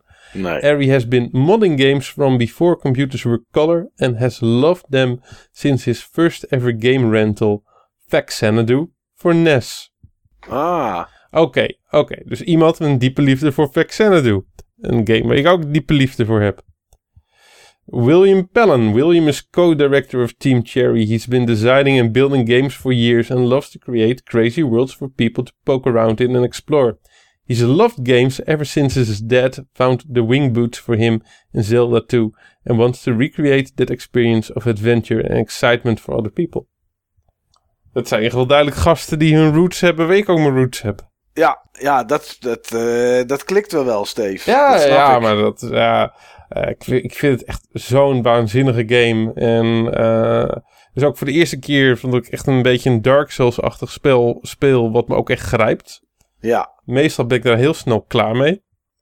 Vandaag was ik daar ook even klaar mee. Ehm, net, als, net als Dark Souls, ehm, als je doodgaat, dan, dan moet je op het punt komen dat je doodgaat. En dan ehm, kun je, als je zeg maar je, je eigen geest dan eh, verslaat, dan krijg je al je muntjes weer terug die je verzameld hebt, je Geo. En eh, ik speel altijd heel voorzichtig naar mijn, eh, naar mijn geest toe en dat, dan heb ik het weer terug. Via de veiligste route op de meest laffe manier. Maar vanmiddag was het voor het eerst dat het niet lukte. oké. Toen was ik dood gegaan, zeg maar helemaal boven in een toren. Eh, waarin toch wel pittige vijanden zaten. Ga- Een soort met van magiërs die teleporteren en je bestoken met magic. Ja, en, ik, ik, ik, had, ik was dan een beetje verzwakt, zeg maar, eh, aangekomen in een stuk met die magiërs. Ik had er geen goed gevoel bij. Ik, ik had gewoon iets van, dit gaat niet lukken. Dit gaat niet lukken. Ik had gewoon terug moeten gaan ergens, eh, om ergens weer helft te scoren. Ja, ging dood. 600 Geo, eh 600 muntjes weg. Dat baalde ik wel even. Ja, ja, ja, dit eh, klinkt wel als iets dat, eh, dat Niels en ik wel herkennen inderdaad uit de Dark Souls games. eh. Ja, en ook gewoon zeg maar de, ehm, de bosses. Zoveel bosses. Zo bizar veel bosses. En ook de liefde die in die bosses en hun patronen is gestoken. Ja, geweldig. Waarom heb jij hem nog niet gespeeld, Mike? Ik heb hem gespeeld. Je hebt hem wel gespeeld. Ik heb hem gekocht eh, op PC, eh, op Steam. eh, ja, ik, ik, hem, ik dacht dat je hem nog niet gespeeld had, joh. Ik, Ja. ik, ik las op... je had gereageerd in, in, een, ehm, in een topic over die game op Button Bashers. Van dat je, nog niet, dat je hem wel gekocht had, maar nog niet gespeeld. Ja, nee, ik heb hem daarna wel gespeeld. Ik weet niet hoe lang ik het gespeeld heb. Niet heel lang, moet ik zeggen. Ik wilde... Ja, ik zat gewoon achter mijn PC en ik denk van... Ik heb zoveel games, ik ga eens kijken naar wat ik, naar wat ik eigenlijk gekocht heb en wat ik tof vind. Dus ik weet niet precies hoe lang ik erin heb zitten. Niet zo heel lang. En, ehm, maar het is wel iets wat op mijn to-do-lijstje staat. Maar goed, met Celeste, met eh, Monster Boy... Ehm ja, en, en, en, en nog wat games zit ik wel redelijk aan, aan mijn tax eventjes voor, voor platformachtige games die, eh, ja, die dan ook wat, eh, die ook wat pittiger zijn, zeg maar. Ik, heb, eh, ik zie dat ik 56 minuten gespeeld heb. Ik heb een uurtje gespeeld. Je hebt hem aangeraakt. Ja, nou ja, dat- ik heb nog steeds gespeeld. Maar het is inderdaad kort. Het is inderdaad kort. Dat, eh, dat klopt inderdaad, ja. Als ik kijk naar Factix, de jongen van het forum... ehm, die heeft er 109 uur in zitten, zie ik. Zijn- favoriete spel ooit, hè? Ja, Het is ook Ja. natuurlijk een jonge jongen. Ja, inderdaad. Maar hij heeft dan eh, voor de rest wel, eh, wel goede smaak, eh, denk ik. Gallius had hem ook op één gezet. Ja, ja, dat klopt inderdaad, ja. Dus Ah, ik dat vind- is... eh, ja, en ik zie Ik vind de geluidservaring van die game ook zo gaaf, joh. Rogue Wars Ehm, 88 heeft er 8,7 uur in zitten op PC. Zie je. Oké, oké. Joh, je, je hebt zeg maar... Je hebt een kaart. Maar die kaarten heb je niks aan totdat je een kaart van een gebied hebt gescoord. Je moet zeg maar... In elk gebied moet je op zoek naar de cartograaf. En dan moet je dan daar de, eh, de, de kaart van dat gebied bij hem kopen. Die cartograaf die zit dan ergens, zeg maar, een, een kaart te maken op de grond in een van die gebieden. En ehm, soms vind je ergens, zeg maar, in een, op, een scherm vind je, zeg maar, een, eh, een blad papier. Dan weet je, hé, hey, de cartograaf is in de buurt. En als je dan verder gaat zoeken op een ander scherm, opeens hoor je dan geneurie. Eh, een beetje zangerig geneurie. En hij heeft een hele typerende manier van neurie. En dan denk je, ah yes, daar is hij, daar is hij dan eindelijk. Even oppassen dat je niet precies doodgaat voordat je bij hem eh, komt. Ja, dat geeft gewoon zo'n lekker gevoel als je dan zeg maar die kaart gescoord hebt. Ja. En ergens anders had ik uh, zoiets, zo hoorde ik zeg maar, hoorde ik het klinken van een aanbeeld. En ik zag ook overal zeg maar, zag ik, uh, zag ik wapens in de grond staan. En ik denk van, nou, hier zit een smid. Hier zit een smid, volgens mij kan ik hier mijn wapen upgraden. En even een klein stukje verder, winkeltje, smid, wapen upgraden. Fantastisch. Ja. Ja. Ja, dat soort dingen. Uh, ik, vind echt, ik vind het echt een heel tof spel. Ik baal nog steeds van mijn 600 Geo. ja. Het is weer tijd, hè? En tijd is het grootste schaarste goed. Ja, nee, eens. Nee, ik, uh, ik ga dit nog wel een keertje, een keertje verder spelen hoor. Ik heb het wel. Uh, het staat ook nog geïnstalleerd op mijn PC. Ik heb misschien vanuit mijn hele Steam library van 300 games of zo. heb ik uh, misschien een stuk of 10, 10, 15 die geïnstalleerd staan. Dus het komt er wel een keer van. Dat weet ik zeker. Oké, okay, nice. Nou ja, dan hebben we alleen jouw nummer 1 nog over, Niels. Ja, ja. ja, daar val ik in herhaling, denk ik. Die is genoemd. Oh. Ik kan mezelf niet zijn als er weer iets, een addertje onder het gras zat. Nou, kom maar dan. Want uh, op 1 had ik eigenlijk een game die uh, uit 2017 kwam. Oh, oké. Okay. En dat was Hollow Knight. Maar omdat ik dacht, ja, maar Niels, dat kan niet. Die komt niet uit 2018 dacht ik, dan doe ik hem gelijk met nog een game die eigenlijk uit 2017 komt. En dat is Dead Cells. Goed zo. Oh. Dus ik heb een Goed zo. gedeeld eerste plaats Hollow Knight Dead Cells. Als je mij het gunpoint zou houden, zou ik Hollow Knight kiezen als betere game van die twee. Uh, de runner-up, directe runner-up is God of War.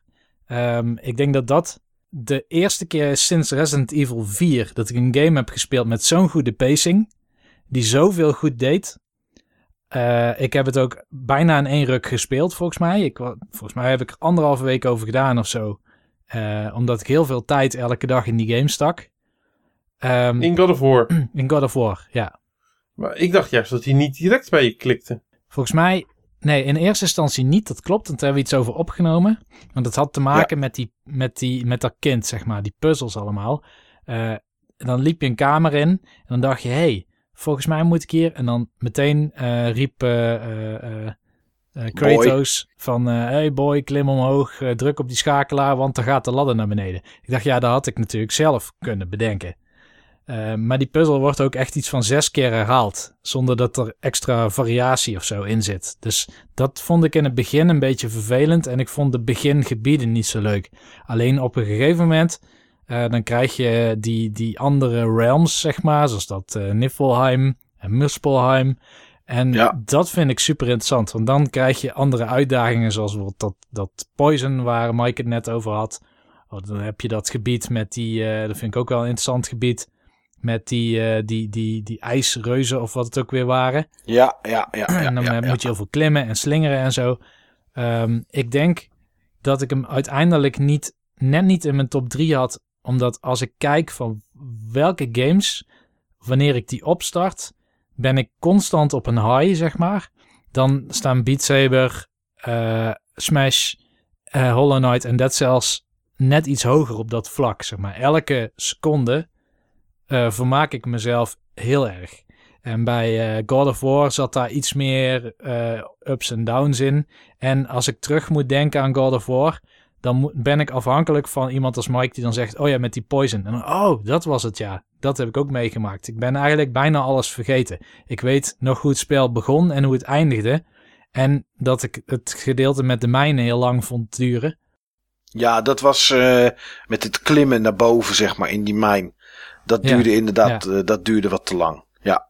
Maar um, uh, los daarvan vind ik het wel echt een van de sowieso top drie grote games op de PlayStation 4. Ja. Met, met Bloodborne vanzelfsprekend. En de andere moet ik dan nog even over nadenken. Die geef ik dan even een empty slot. Ja. Astrobot heb ik niet genoeg tijd in zitten. vind ik wel extreem leuk. Doet hele leuke dingen. Heb ik ook tegen Mike verteld toen hij mee kon luisteren. Je moet heel veel bewegen. Je moet om hoekjes kijken fysiek met je hoofd. Je moet soms iets. Staat er een bord of zo in, in de ruimte. En dan moet je fysiek koppen tegen dat ding aan om het uit de weg te, te halen. Maar het zijn Hollow Knight en Dead Cells om verschillende redenen. Uh, die ik uiteindelijk op één heb staan. Dead Cells ben ik sinds oudjaar weer aan begonnen. Ik speel elke dag één run. Ik doe daar meestal zo'n 40, 45 minuten over. Want ik doe heel erg mijn best om de beste dingen te verzamelen en zo. En ik, ik haal inmiddels sowieso tot aan het één na laatste level alles met misschien één keer een po potion eventjes te gebruiken. Maar dan word ik vaak verrast door allerlei nieuwe combinaties vijanden. De ene die trekt mij met een hoekshot ergens naartoe en dan gooit een ander een paar granaten op mij. En dan is in één keer een gigantisch lange levensbalk voor mij echt in één klap helemaal tot nul gebracht. En daar moet ik nog een antwoord op zoeken. En dat is heel raar, want ik heb de laatste eindbaas wel een paar keer bereikt. Maar dan was ik steeds met hele suboptimale gear daar beland. En de reden dat ik het nu weer veel ben gaan spelen is omdat er een patch aankomt. En die gaat die eindbaas moeilijker maken. Dus ik speel oh, echt waar, ja? dus, het, dus het moet nu gebeuren. Precies, het moet nu gebeuren. Maar ik ben gewoon niet meer in de afgelopen drie dagen bij die eindbaas gekomen. Ik kom elke keer Clock Tower, daar kom ik allemaal wel.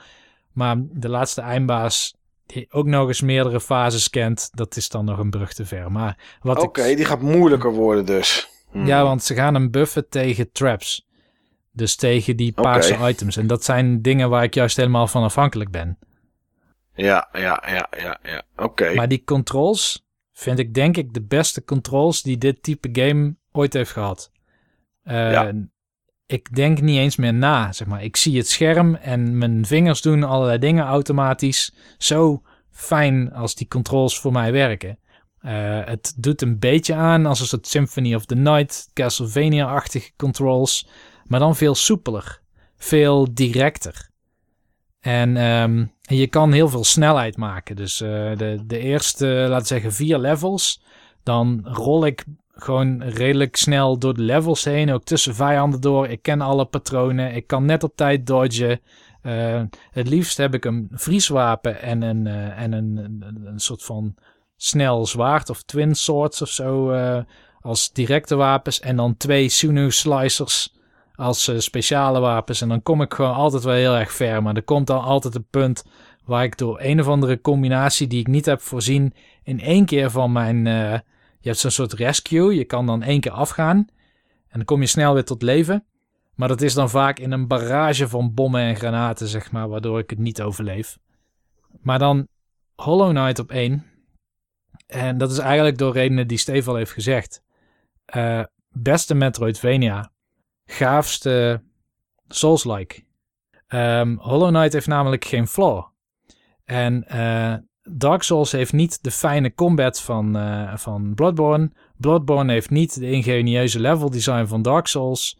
Um, en bij, bij Hollow Knight, da, dat heeft alles. Dat heeft gave omgevingen. En in het begin lijkt het allemaal hetzelfde, maar er komt heel veel kleur. Ja, dat is er niet. dat is er niet, alles behalve.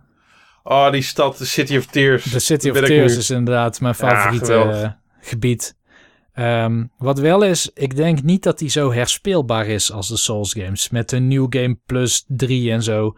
Uh, ik, ik zou denk ik uh, Bloodborne best nog een keer of twee uit kunnen spelen in de komende jaren. Waar ik Hollow Knight niet zo snel opnieuw zal spelen, denk ik. Op dit moment. Dat hoeft ook, dat hoeft ook niet, toch? Het is ook een hele lange game. Ja, dat hoeft ook helemaal niet. Hij is heel erg lang. En dan uh, zijn we nog lang niet bij, zeg maar, uh, die, boss, die boss rush mode en allemaal van dat soort dingen. Ja. ja. Ik, ik, weet niet eens of we uit kunnen spelen. Eerst maar zien of we hem überhaupt uit kunnen spelen. Ja. Die, pen, die Pantheons die schijnen heel pittig te zijn hoor. Nou Want ja, als je mij ziet struggelen met die bosses. Ik moet niet een boss rush mode. Ah, afschuwelijk. Ik moet er niet aan denken. Nou, ik had dit spel aangeraden aan een collega van mij. En zij eh, houdt eigenlijk helemaal niet van Souls. Ze heeft eigenlijk een beetje hetzelfde als jij, Steve. Dat zij, zij vindt Bloodborne en Dark Souls leuk om te zien, maar niet echt om te spelen. Eh, maar zij kwam op zich wel door eh, Hollow Knight heen. Die heeft ze ook gewoon uitgespeeld voor zover dat toen mogelijk was. En ik ben Ook met het goede einde. Nee, dat dus niet. En wat ook nog is, zij heeft hele andere abilities gevonden dan ik. Dus het is niet zo lineair als dat ik dacht. Klopt, klopt. En je kan echt beelds maken. hè? Ja, Ehm, je kan ook echt, eh, zeg maar, van de, allemaal van die, ehm, van die emblems. Heten geen emblems. ja de... Maar het is ook weer Ja, ik kan jullie niet helpen, jongens. die charms van Hollow Knight. Die, ehm, daar, kan je echt, daar kan je echt beelds mee, eh, mee, mee bouwen. Waarmee je zeg maar, ook een stuk synergie uit je charms kan, eh, kan halen. Maar dan moet je die charms wel hebben. Ja, En er dus, zijn ook eh, bepaalde charms, die kan je dan zeg maar eerst in een zwakke versie krijgen, die dan zeg maar kapot gaan, die kapot kunnen gaan elke keer als je doodgaat en je die charms draagt.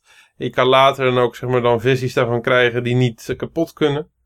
Dus eh ja, het is zo'n uitgebreid spel joh. Gemaakt door drie, drie, vier gasten. Drie, vier gasten. Echt bizar. Ja, ja.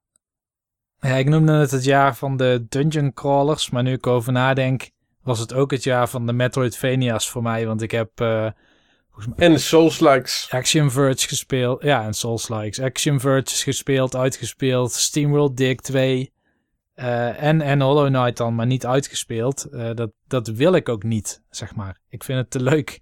Ik zou niet willen dat het eindigt. Nou, ik zou het wel uitspelen. Dat is zonde. Om het niet, eh, om het niet uit te Maar dan- spelen. Je kan, het toch, eh, je, kan die, je kan die game toch op 300% zetten of zo?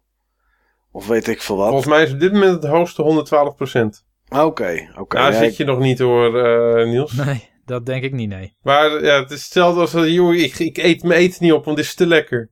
Dit is te lekker. Ja, dan wordt het op een gegeven moment koud en dan moet je het niet meer, hè? nee.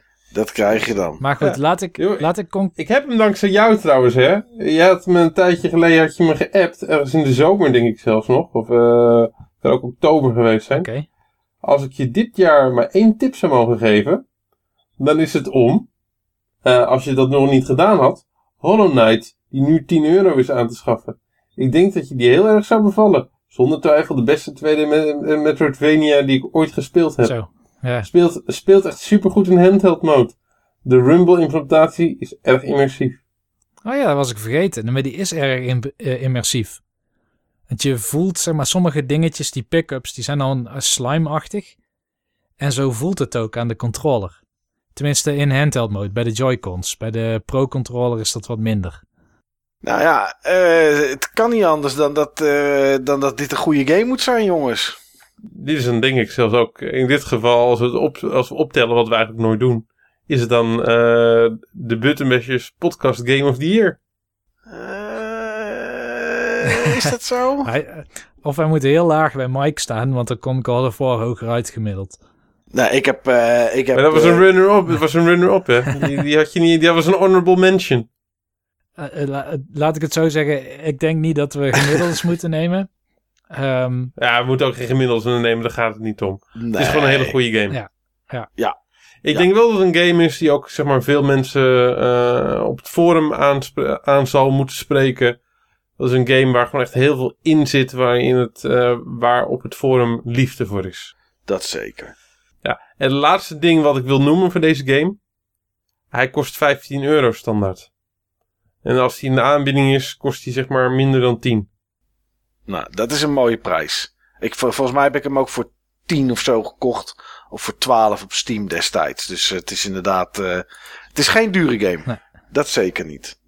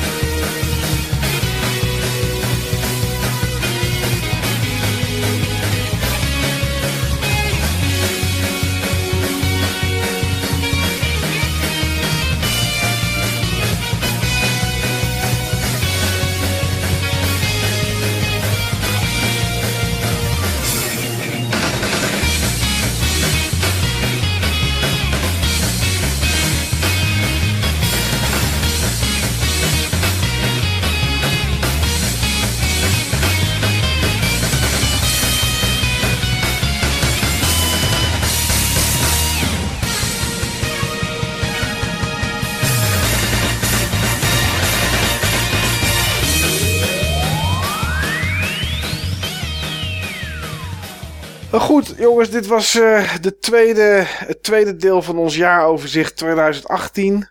Ik denk dat het toch wel. Uh, ik, ik, dacht vooraf van ja, 2018 was een aardig jaar, maar niet zo bijzonder. Maar ik denk toch dat we wel een hoop interessante dingen hebben aangetikt. Tenminste, er zijn toch wel wat games. Ik heb in ieder geval Cave Story Plus op mijn whiteboard geschreven.